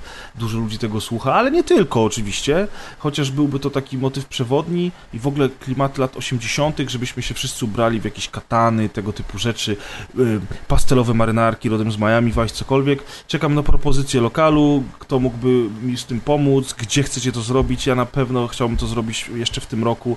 Im szybciej, tym lepiej, póki pogoda nam sprzyja. Jak słychać u mnie za oknem, nie sprzyja wcale. Jezu, jak pada. Co tu się dzieje? Może jednak Bóg się wkurzył faktycznie. Może przychodzi ten, y, długa zima. Panie, Ragnarok już idzie? No. To my chyba a propos Ragnaroku będziemy przechodzili do spoilercastu. Adrian, To ja przyszedłeś się- God of War? Co ty? Ja się pożegnam. No dobrze, O. misiu. Adrian nie ma zamiaru nawet grać w God of War. Dokładnie tak. Ja pograłem chwilę i to nie jest gra dla mnie. To co, dzięki za nagranie i widzimy się Za dwa tygodnie. za chwilę. Trzym się, stary. Dzięki, na razie. Cześć, cześć. No i tak oto zamknęliśmy odcinek w dwóch godzinach i 12 minutach. Tego jeszcze nie było. ta bez kitu.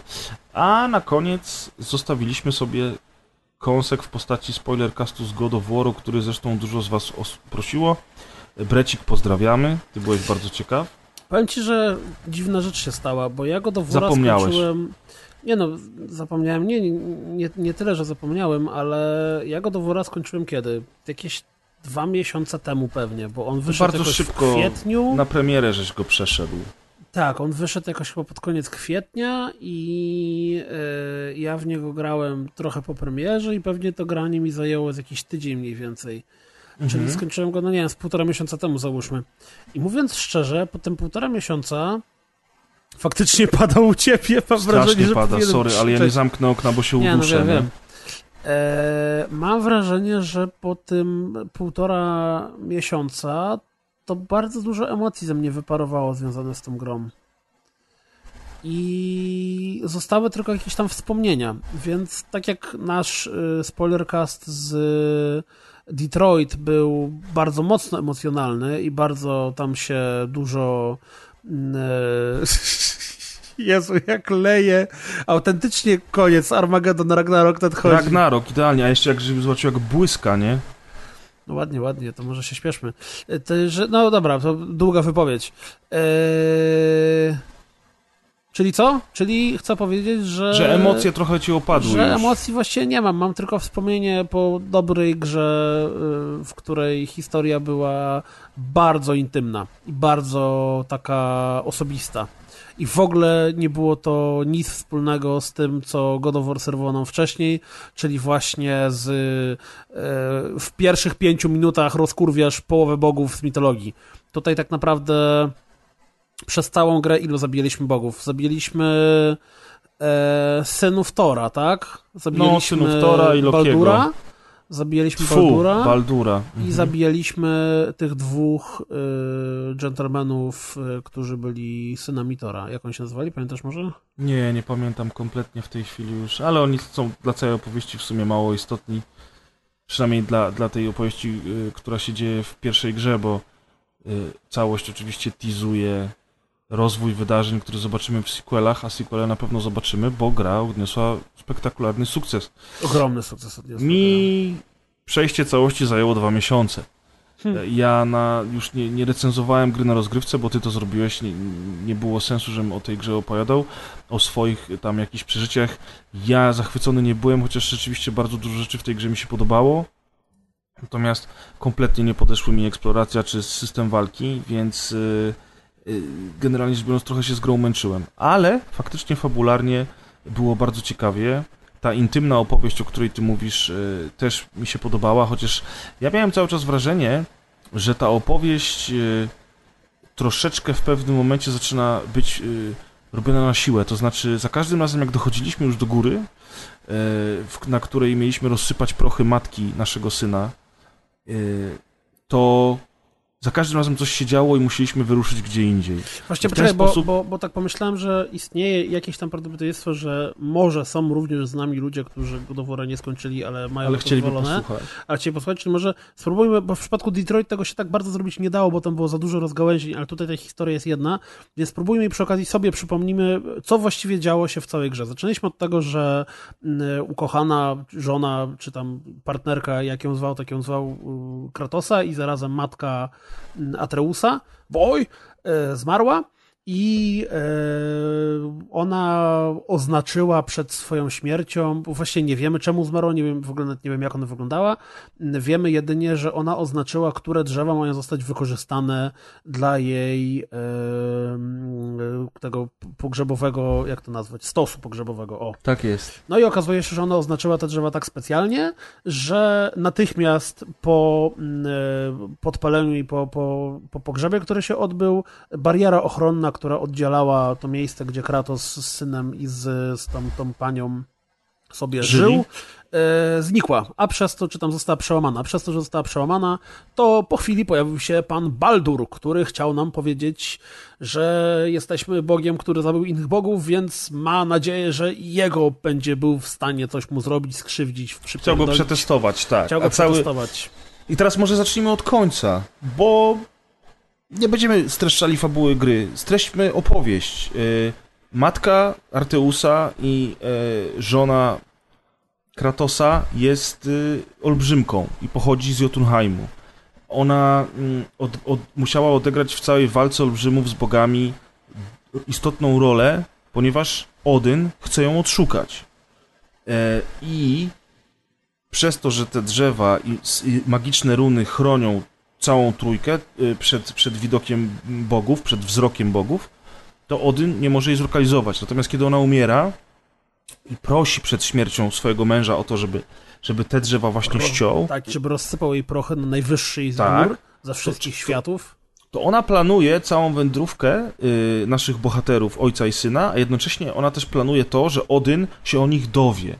Teraz gra nigdy nie powiedziała nam, dlaczego ona chciała, żeby tak się stało. Co więcej, no bo w sumie ona, czemu ona... ona na- planując tą wędrówkę, ona, bo to też tam w którymś momencie pada, nie pamiętam czy bezpośrednio, czy pośrednio, że wszystko to, co jest takimi klasycznymi growymi elementami, czyli, nie wiem, półki, na które możemy się wspiąć, są oznaczone jakąś runą, czy że tam jesteśmy prowadzeni, y, którędy mamy iść i tak dalej, to wszystko jest dlatego, że ona zaplanowała wcześniej drogę, którą mamy przebyć.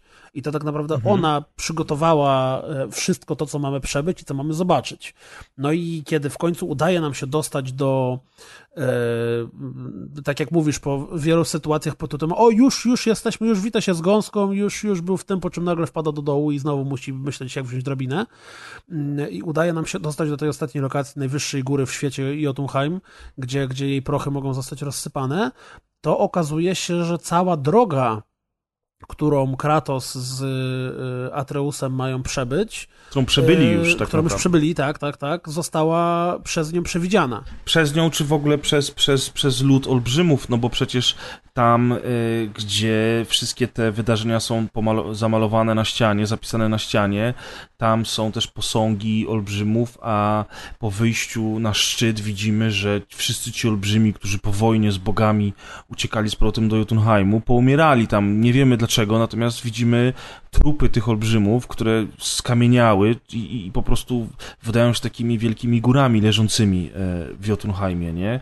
Więc oni tam na końcu swojej wędrówki zapisali jeszcze tą legendę, która miała się dopiero wydarzyć. Faktycznie wszystko zaplanowała mm, matka Arteusa, Atreusa, Boy, o której nic nie wiemy. Poza tym, że ona była olbrzymką. I tutaj mój największy zarzut w stosunku do... Bo ta historia jest okej.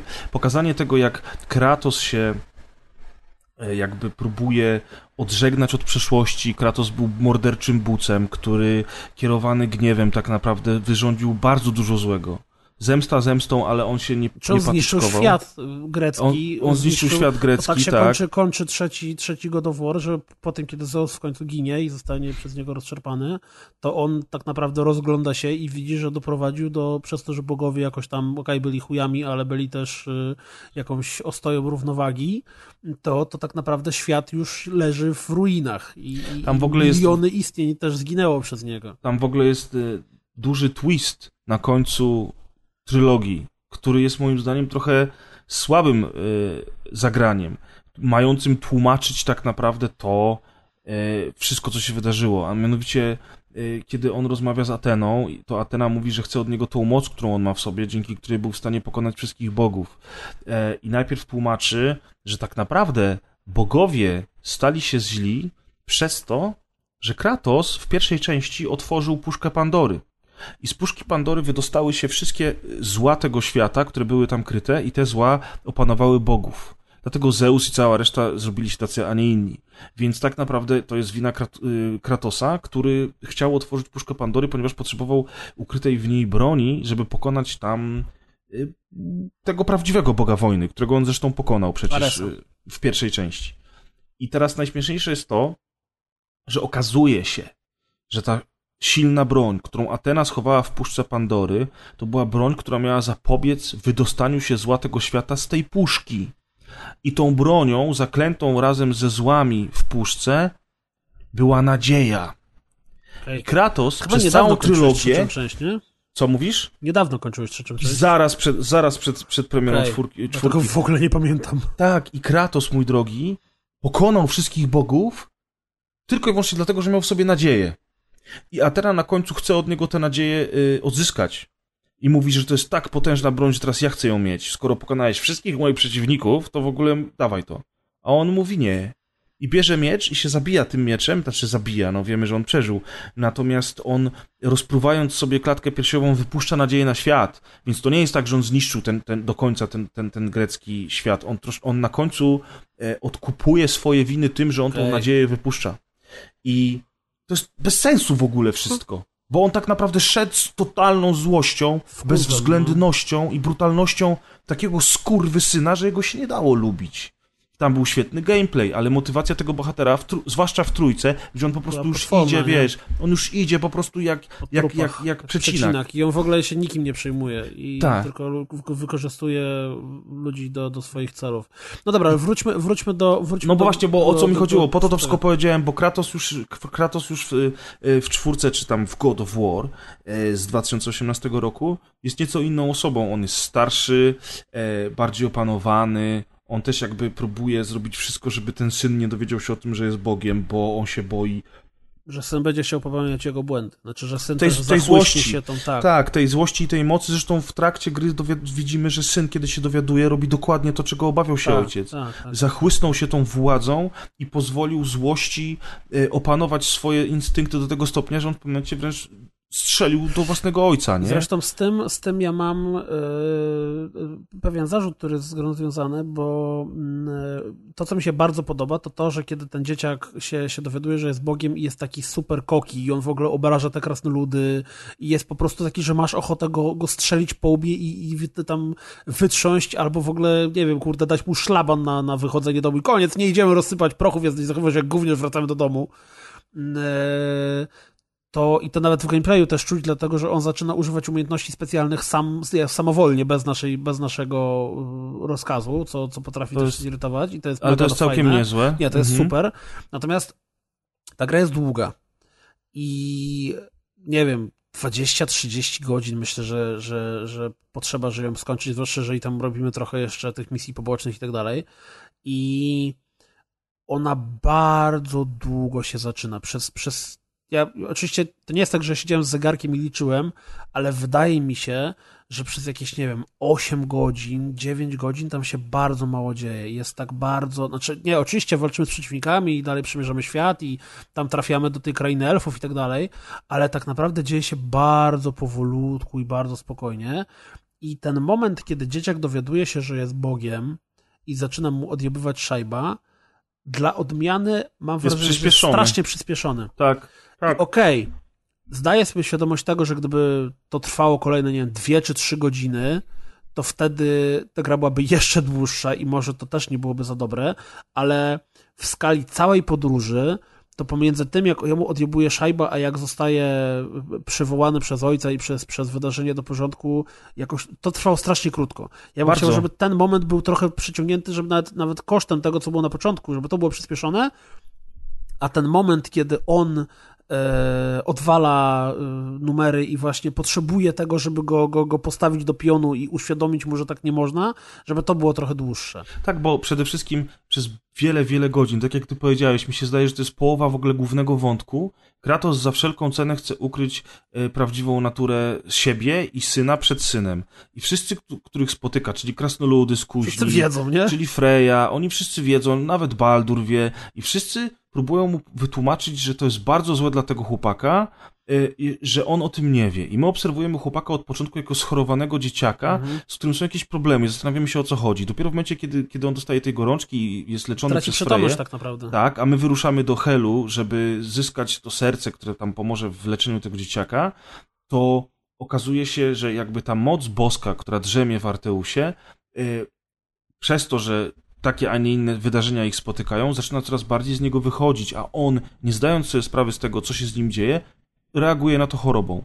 I wtedy Tak, że Bóg, mówią, który myśli, że jest człowiekiem, tak Człowiekiem, naprawdę, tak. czy tam śmiertelnikiem, tak naprawdę cierpi y, chorobą potworną. Tak, i w momencie, kiedy udaje nam się tego dzieciaka wyleczyć i wychodzimy od Frey z domu, to Kratos nagle po 8 godzinach mówienia wszystkim morda, na, morda w kubeł, niczego nie mówicie, ciągnie sobie łódkę, jest takie ujęcie, jak w ogóle stoi tyłem do tego syna, syn siedzi na tej łódce, Kratos ciągnie linę, żeby tą łódkę do, do wody zaciągnąć i mówi wiesz co, boy, a jesteś Bogiem, ja też jestem Bogiem. Wiesz co, ale To jest taka scena, wiesz, na e, zasadzie, to what jest, the fuck? To jest tak jakby wytłumaczone tym, że ja nie pamiętam, czy to był pod sam koniec Helheimu, czy, czy już po tym, jak ten dzieciak został e, ożywiony, nazwijmy to, e, to on ma e, wizję przeszłości.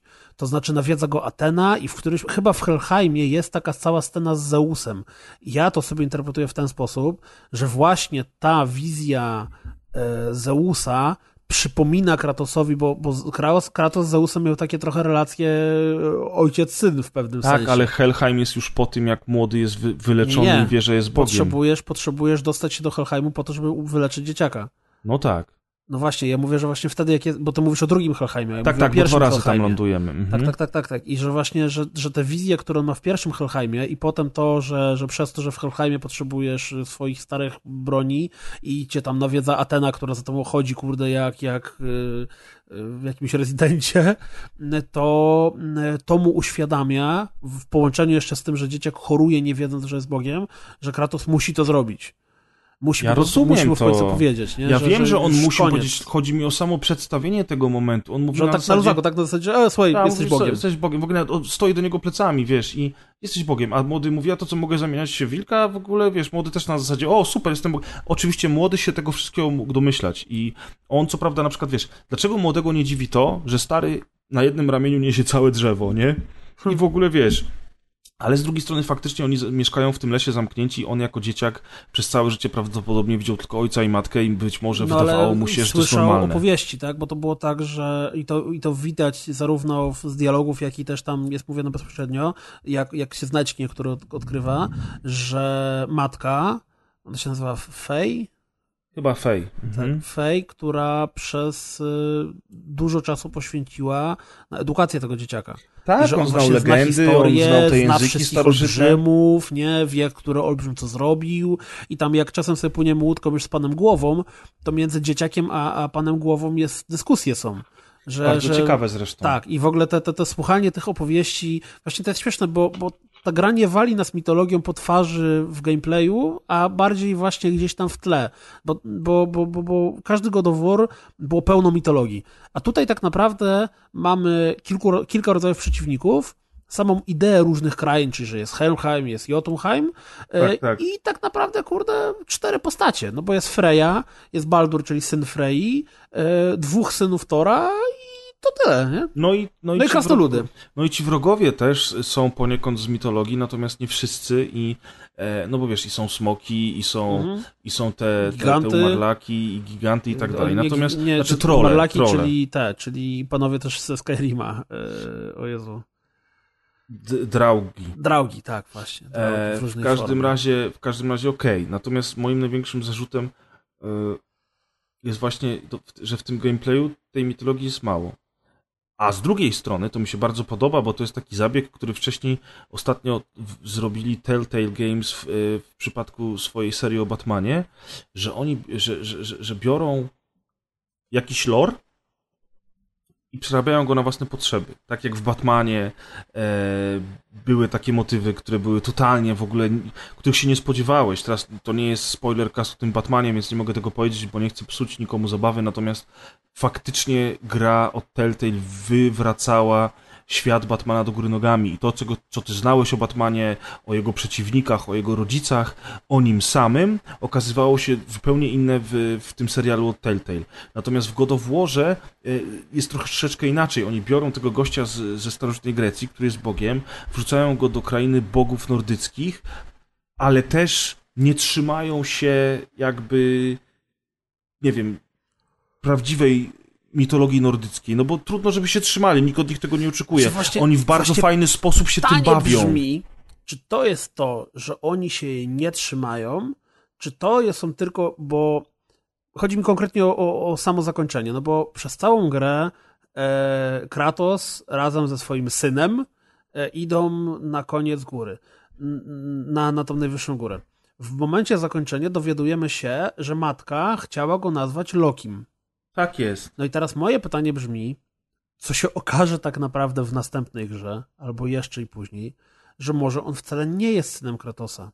Może on Lo- jest synem Frei, Fei, tylko i wyłącznie i Kratos po prostu go w cudzysłowie adoptował. I że tak Wiesz naprawdę co? faktycznie jest Loki. I bo zobacz, że Loki w mitologii nordyckiej odpowiada za, za Ragnarok. I działania Kratosa i, i Atreusa doprowadzają do, Ragnaroku. Tak. I gra się że- kończy przecież, to zakończenie gry pokazuje, że tak naprawdę w kolejnym godowłorze gówno wpadnie w wiatrak już w intrze. Bo po Oczywiście. prostu Kratos się budzi, wychodzi, patrzy, stoi tam Thor z młotem, nie? Tak, tak, oczywiście, natomiast wiesz, y, Loki jest bratem Odyna i są o, ich przygody jakby są bardzo poczu- z, z początku tych wszystkich Ed, nie Ed, te wszystkie rzeczy, oni są bardzo starymi e, bogami, tak? No bo Loki, Loki Odyn jest tutaj półbogiem. jest, bo Odyn się pojawia na pomnikach tak naprawdę. W... Tak, no Odyn też jest w grze, no bo Odyn, znaczy nie, nie pojawia się, ale Odyn, y, słychać go jeden czy dwa razy i Odyn wysyła Baldura. Y, Baldur ma ten problem, że od 100 lat niczego nie czuje, bo matka rzuciła na niego zaklęcie i. Odyn, i Odyn okłamuje go i mówi mu, że jak znajdziesz tego pana Kratosa, to on cię odczaruje. I dlatego Baldur nas goni, chociaż dopiero na koniec się okazuje, że tak naprawdę to on nie szuka wcale pana Kratosa, Jako Fej. tylko szuka Fej, czyli tej zmarłej już żony Kratosa, bo Odyn szuka Fej. I Odyn, jako że jest Odynem, czyli chujem jak 150, Co tam bardzo mocno wynika, bo to też jest zarówno tak jakby w całej w, mitologii, jak i też w opowieściach, których się dowiadujemy, że Odyn nienawidził gigantów. I Odyn. no tak, to jest e, akurat No właśnie, jakby że- żeniąc się z. e, z Fej miał Z Fej miał zyskać. Nie z Fej, tak- Boże, z Freją. z, z, z Freją. ale Freja była gigantynią, czy Freja była. F- Freja, ja już teraz nie pamiętam, czy- Freja Bo tam była myk polegał na tym, że Odyn się żenił z. Wyszedł, znaczy ożenił się z. z Freją, żeby, za, kimś żeby z gigantów i dzięki temu dostał władzę też nad... y, Tak, i dlatego Freja nie mogła y, zmienić krainy, bo on w ramach zemsty na Frey uwięził. ją. tak, Tak, tak. tak, tak. tak, tak, No tam jest też Tyr, który jest jakby przywódcą tych, tych, tych gigantów, I natomiast właśnie z Tyrem jest dobra, z. Tyrem jest bardzo interesujący wątek, bo, bo cały wątek Tyra y, wprost pokazuje, że Tyr był istotą, która krążyła między wszystkimi e, tak jakby e, Światami. światami tak? I, I nawet w jego skarbcu widać, że są tam e, te dzbany, na których widać Kratosa z mieczami tak, greckie. swoimi greckie, że tam są, chyba, chyba były japońskie jakieś klimaty też. Tak, tam są japońskie klimaty i też są klimaty e, z, z Hellblade Senua's Sacrifice, czyli Piktowie jacyś, tak? Piktowie z północnych wysp, znaczy z północy Wysp Brytyjskich, czyli z tych rejonów, do których przecież wikingowie dotarli naprawdę. Natomiast y, God of War się dzieje przed erą wikingów. Tam w skarbcu Tyra są jacyś rycerze w zbrojach, którzy totalnie nie należą do, do, do Skandynawii i w ogóle do tamtego okresu, więc ogólnie rzecz biorąc tam jest dużo podpowiedzi na to, tak jak ty mówisz, że ten Tyr sobie podróżował. Ale dlatego ja mówię, że to, że God of War czerpie garściami z mitologii nordyckiej, natomiast nie można tego przekładać jeden do jednego z No tak, mitologią tak, nie, nordycką. oczywiście, oczywiście. To nie jest... Yy... Ale to jest fajnie wszystko zrobione. Natomiast Tak. także tu jest bardzo dużo rzeczy, tylko ja mam bardzo Ty duży problem z tym. fajny, ty miałeś No. fajny y, trop, gdzie twoim zdaniem tak naprawdę y, głowa to jest tyr. Tak. E, Moim zdaniem y, gło, głowa, czyli, czyli, Mirmir, o ile dobrze pamiętam jego imię, tak. jest Mi- Tyrem. Dlatego, że Ma te oczy magiczne. on zna nie? te wszystkie języki, które znał Tyr. On zna cały, całą historię, zna bardzo dużo tajemnic. On też ma oczy z diamentów, tak samo jak Tyr miał oczy z diamentów. Które dostał od gigantów po to, żeby mógł chodzić między, między światami, nie? Tak, i on mówi, że jak spotykamy y, Mirmira, to on jest y, wrośnięty w drzewo, y, w które umieścił go tam Odyn za karę. I on o tym mówi, że on został, dostał taką karę. I teraz ciekawe jest to, że jest umieszczony centralnie na wprost portalu do świata olbrzymów, czyli do Jotunheimu, do świata, y, o który Tyr walczył i który Tyr kochał, czyli e, Czyli tak naprawdę to wygląda na zasadzie takiej, teraz zostaniesz wmurowany w drzewo i do końca świata będziesz patrzył się na wprost do krainy, do której już nigdy nie A wrócisz. ty kojarzysz, jak to było w mitologii? Nor- Czy tam właśnie... Nie, nie, okej. nie pamiętam naprawdę. Muszę wrócić, dawno temu czytałem te wszystkie edy, zresztą ja nigdy nie byłem jakiś wybitnie dobry z tego, e, ale chętnie wrócę i to jest akurat to, co, co, co God of War robi dobrze, on zachęca do tego wszystkiego. Natomiast to, co robi źle, moim zdaniem, jeżeli chodzi o fabułę, to jest y, pozostawienie całej masy pytań bez odpowiedzi. To jest E. ewidentnie pierwsza część cyklu. I to jest Tak. to, jak, tak jak się wkurwiam na Halo, które y, zamyka się w połowie opowieści, to dokładnie tak samo ja bym wolał, żeby ta gra się skończyła bez tej sceny, w której widzimy, że, że zaczął się Ragnarok i y, Tak, Thor stoi przed domem Bo tak Kratosa. naprawdę my nie wiemy, dlaczego oni rozpoczęli Ragnarok. No nie wiemy tego. Mhm. Tak samo... I tak samo nie wiemy, co oznacza ten ostatni obraz, który jest w, zestawiony przez jaskini, gigantów, czyli obraz, na którym widzimy, że Loki Kratos tak jakby umiera. wysysa moce z, z Lokiego, z Kratosa i Kratos umiera, nie? Bo Kratos, widać, że Kratos ma rozbitą głowę, przynajmniej ja to tak zinterpretowałem, i z niego coś wylatuje, co wciąga Loki. Teraz nie wiemy, czy Kratos umierając oddaje swojemu synowi e, moce. Czy może to syn zabił ojca, żeby te moce zdobyć? Nie wiemy tego. E, Kratos wręcz zasłania ten fragment szmatą, żeby, żeby Arteus tego nie zobaczył. Tego się pewnie też dowiemy w przyszłości, w kolejnych częściach. Natomiast po prostu moim zdaniem to wszystko jest dick bo nie wiadomo, dlaczego e, rozpoczęliśmy ten Ragnarok. E, Nie wiadomo, dlaczego matka przygotowała całą tą, tą, tę przygodę. Zwłaszcza, że jeszcze z tym Ragnarokiem myk polega na tym, że i to krasnoludy wyraźnie mówią, że coś się grubo spierdoliło, bo, Bo miał jeszcze przyjść powinno nie wcześniej jak wiele, za 100 lat. wiele tam setek lat minąć, zanim Oni mówią, rozpocznie oni się mówią ta, ta, najwcześniej miał przyjść za 100 lat, a właśnie zaczęła się Tak. trzyletnia zima, bo tam jest coś takiego, ten, że trzyletnia zima to jest- zima, tak, że trzyletnia to zima, jest która- początek do tak, Ragnaroku. Tak, tak, tak, tak, tak. Więc ja podejrzewam, że jeszcze będzie tak, że druga część będzie działa się w trakcie tej trzyletniej zimy i dopiero w trzeciej części dostaniemy Też Ragnarok. możliwe, też możliwe. E- I że tak naprawdę to, to, to, to była... Bo ja właśnie nie pamiętam, y, czy to było tak, że y, tam centralnie się pojawiło trzy lata później i budził się Kratos, który wychodził przed dom, czy to było tak, że to była wizja tego chłopca?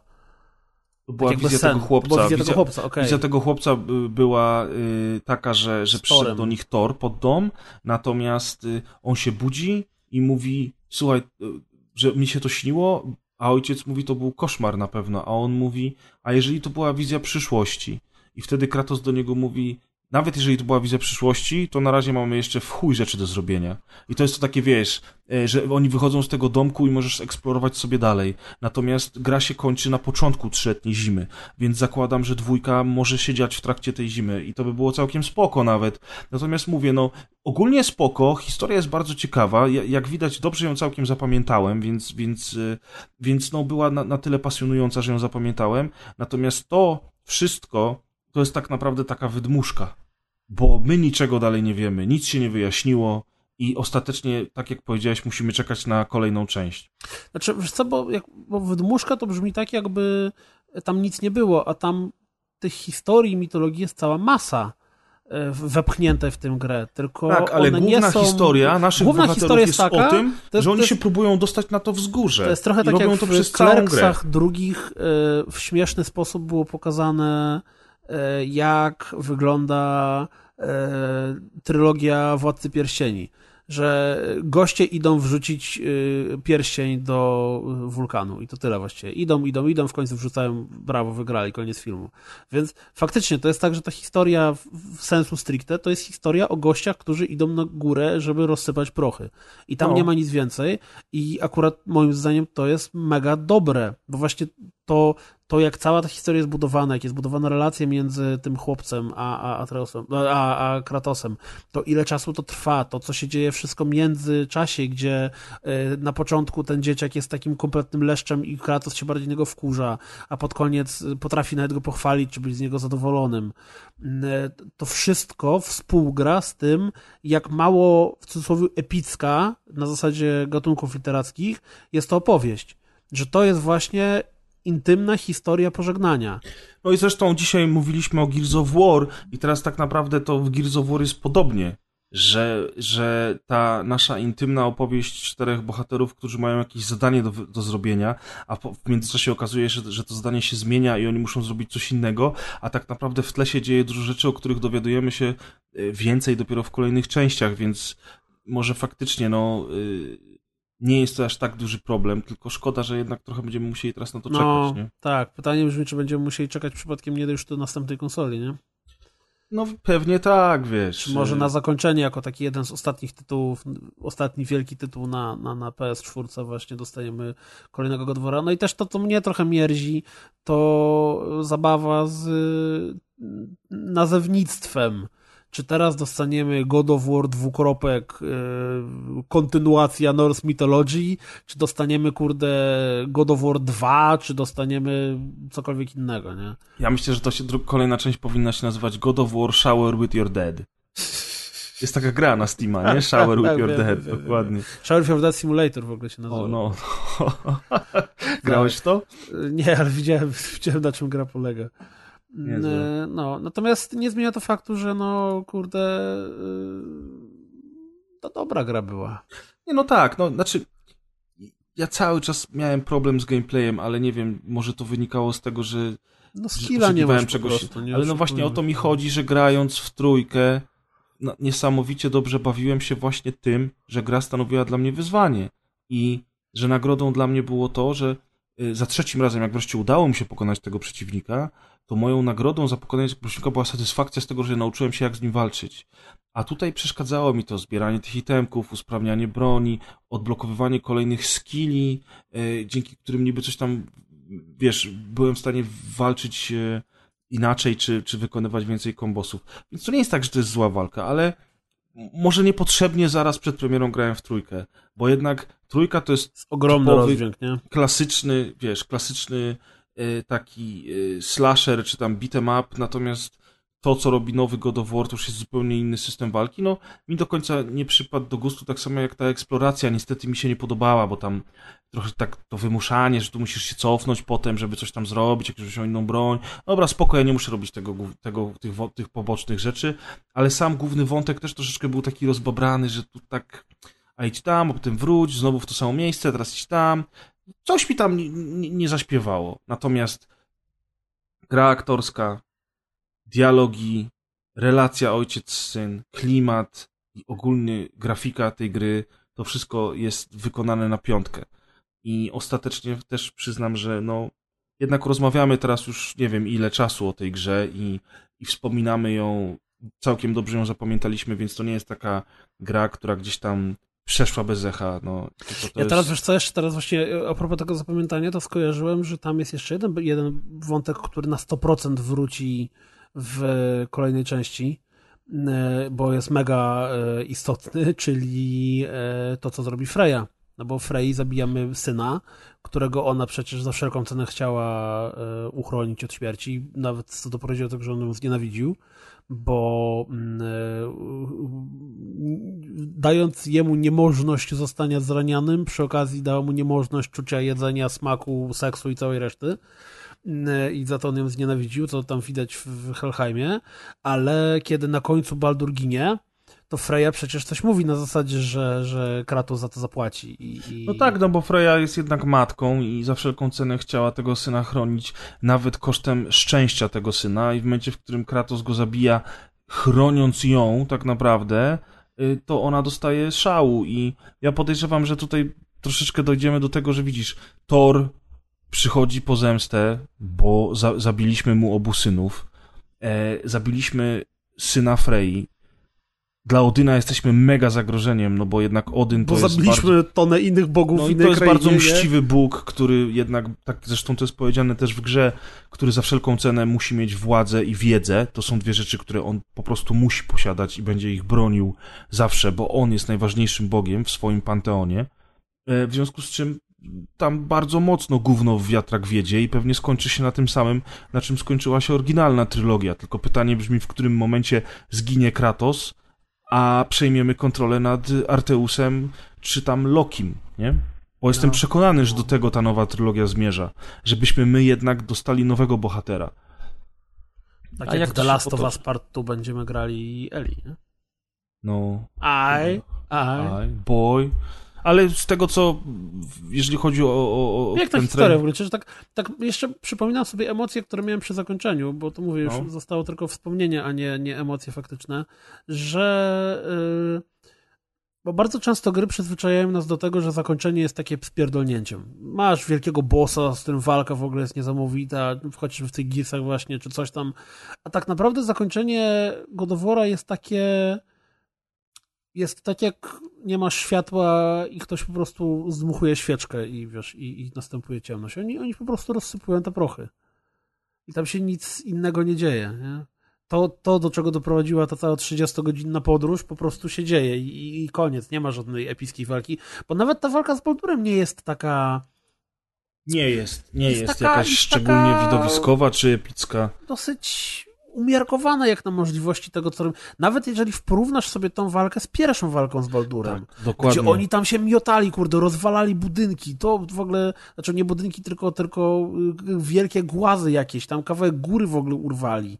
No tam ten domek A? też trochę Tak, ten zrujnowali. domek nie? też trochę zrujnowali. A tak naprawdę ta, ta finalna walka jest taka dużo bardziej spokojniejsza. Nie wiem, czy właśnie przez to, że nagle Bardul przestał być y, nieśmiertelnym, czy co, ale, ale no... No, taka, wydaje mi się, że ona jest trochę bez pomysłu też, bo ona się dzieje w tej lokacji, przez którą już e, wcześniej przechodziliśmy i to w takim dziwnym miejscu, w sumie nic nieznaczącym i ogólnie rzecz biorąc, to faktycznie szału nie było przy tej walce. Zresztą w ogóle mnie zastanawia, jak on węża świata pokonał, ten, ten, ten Baldur i y, to jest w ogóle naciągane, że akurat w momencie, w którym jesteśmy we wnętrzu węża, węża świata, żeby zdobyć ten przedmiot, po który tam poszliśmy, ja już nie pamiętam nawet co to było, jakiś klucz czy coś, to akurat w tym momencie Baldur sobie pomyślał, o kurwa, na pewno jak zrobię krzywdę wężowi świata, to wtedy się tam Kratos pojawi. I okazuje się, że wąż świata, który jedynym dla niego wyzwaniem tak naprawdę do tej pory był Thor, nagle dostaje srogie baty od Baldura i zupełnie przypadkiem wypluwa z siebie Kratosa, którego Baldur tak naprawdę chciał od, jakby znaleźć, tak? Więc dla mnie to, dla mnie ta, ta, ta, końcówka jest już tak naiwna i tak, wiesz, na maksa na siłę zrobiona, że to się w głowie nie mieści. Zresztą tak samo, co do cholery stało się z Wężem Świata? Jakim cudem Baldur mu tak natłukł? Bo w sumie to nie jest powiedziane, czy on go zabił, czy on go Mhm. tylko po prostu Tak, oklepał. Tego go nie wiesz. I ten wąż się źle czuje. I wąż znika i w ogóle już go nie ma i no trudno, no. I też jedna z najważniejszych postaci w grze. Oczywiście tego się dowiemy w dwójce, ale ogólnie rzecz biorąc, jak na moje, to trochę za dużo w tym godoworze takiego mówienia, no, no co kiedyś się dowiesz, nie? No, ewidentnie to jest pierwsza część. Ewidentnie. Nowej trylogii, no tak. Czy trylogii, czy, czy cholera wie czego tak naprawdę. Więcej! Odpaliłem Więcej! sobie, odpaliłem sobie właśnie, bo, bo, bo tak jak mówię, pamięć jest jaka jest, y, walkę z Boldurem tą ostatnią, jak to wyglądało, już nawet nie pamiętałem, że tam ten Atreus tobie bardzo mocno pomagał, nawet w QTE, napieprzając z pięści, z łuku i z czegokolwiek innego. E, Tak. No, dobra gra, kurde. Dobra rzecz. Więcej takich gier, bo takie gry jednak zawsze y, zostają nam w pamięci, jak widać jednak. Wbrew temu, co mi się wydawało na początku, że już prawie nic nie pamiętam i że nie mam emocji, to jednak okazało się, że całkiem mocno ta gra w głowie siedzi jeszcze. No, a w następnym odcinku, jak się uda, to pogadamy sobie o wampirze, bo wypadałoby porozmawiać o tej historii. E, tak, może, może, też, zwłaszcza. zwłaszcza o zakończeniu, może też uda nam się wreszcie zaciągnąć Atka i Deusza do rozmowy o A Way Out, bo ja bym bardzo chciał nadal mimo wszystko porozmawiać Dalej masz pretensje, spoilerowo. nie? No i to jest, to jest taka historia, że warto jednak o niej pogadać sobie Tak, spoilerowo. tak, to prawda. Bo ona jest nie najgorsza. A tymczasem chyba będziemy mówić powoli dobranoc, do widzenia, czy dzień dobry, kto Tak. tam woli. Deszcz pada dalej, króciutki odcinek, ale niektórzy w ogóle teraz pauzują, a my po rozgrywka party się jednak zebraliśmy i nagraliśmy odcinek i słyszymy się za dwa tygodnie, czyli 3 sierpnia. Do usłyszenia, cześć. Cześć, cześć!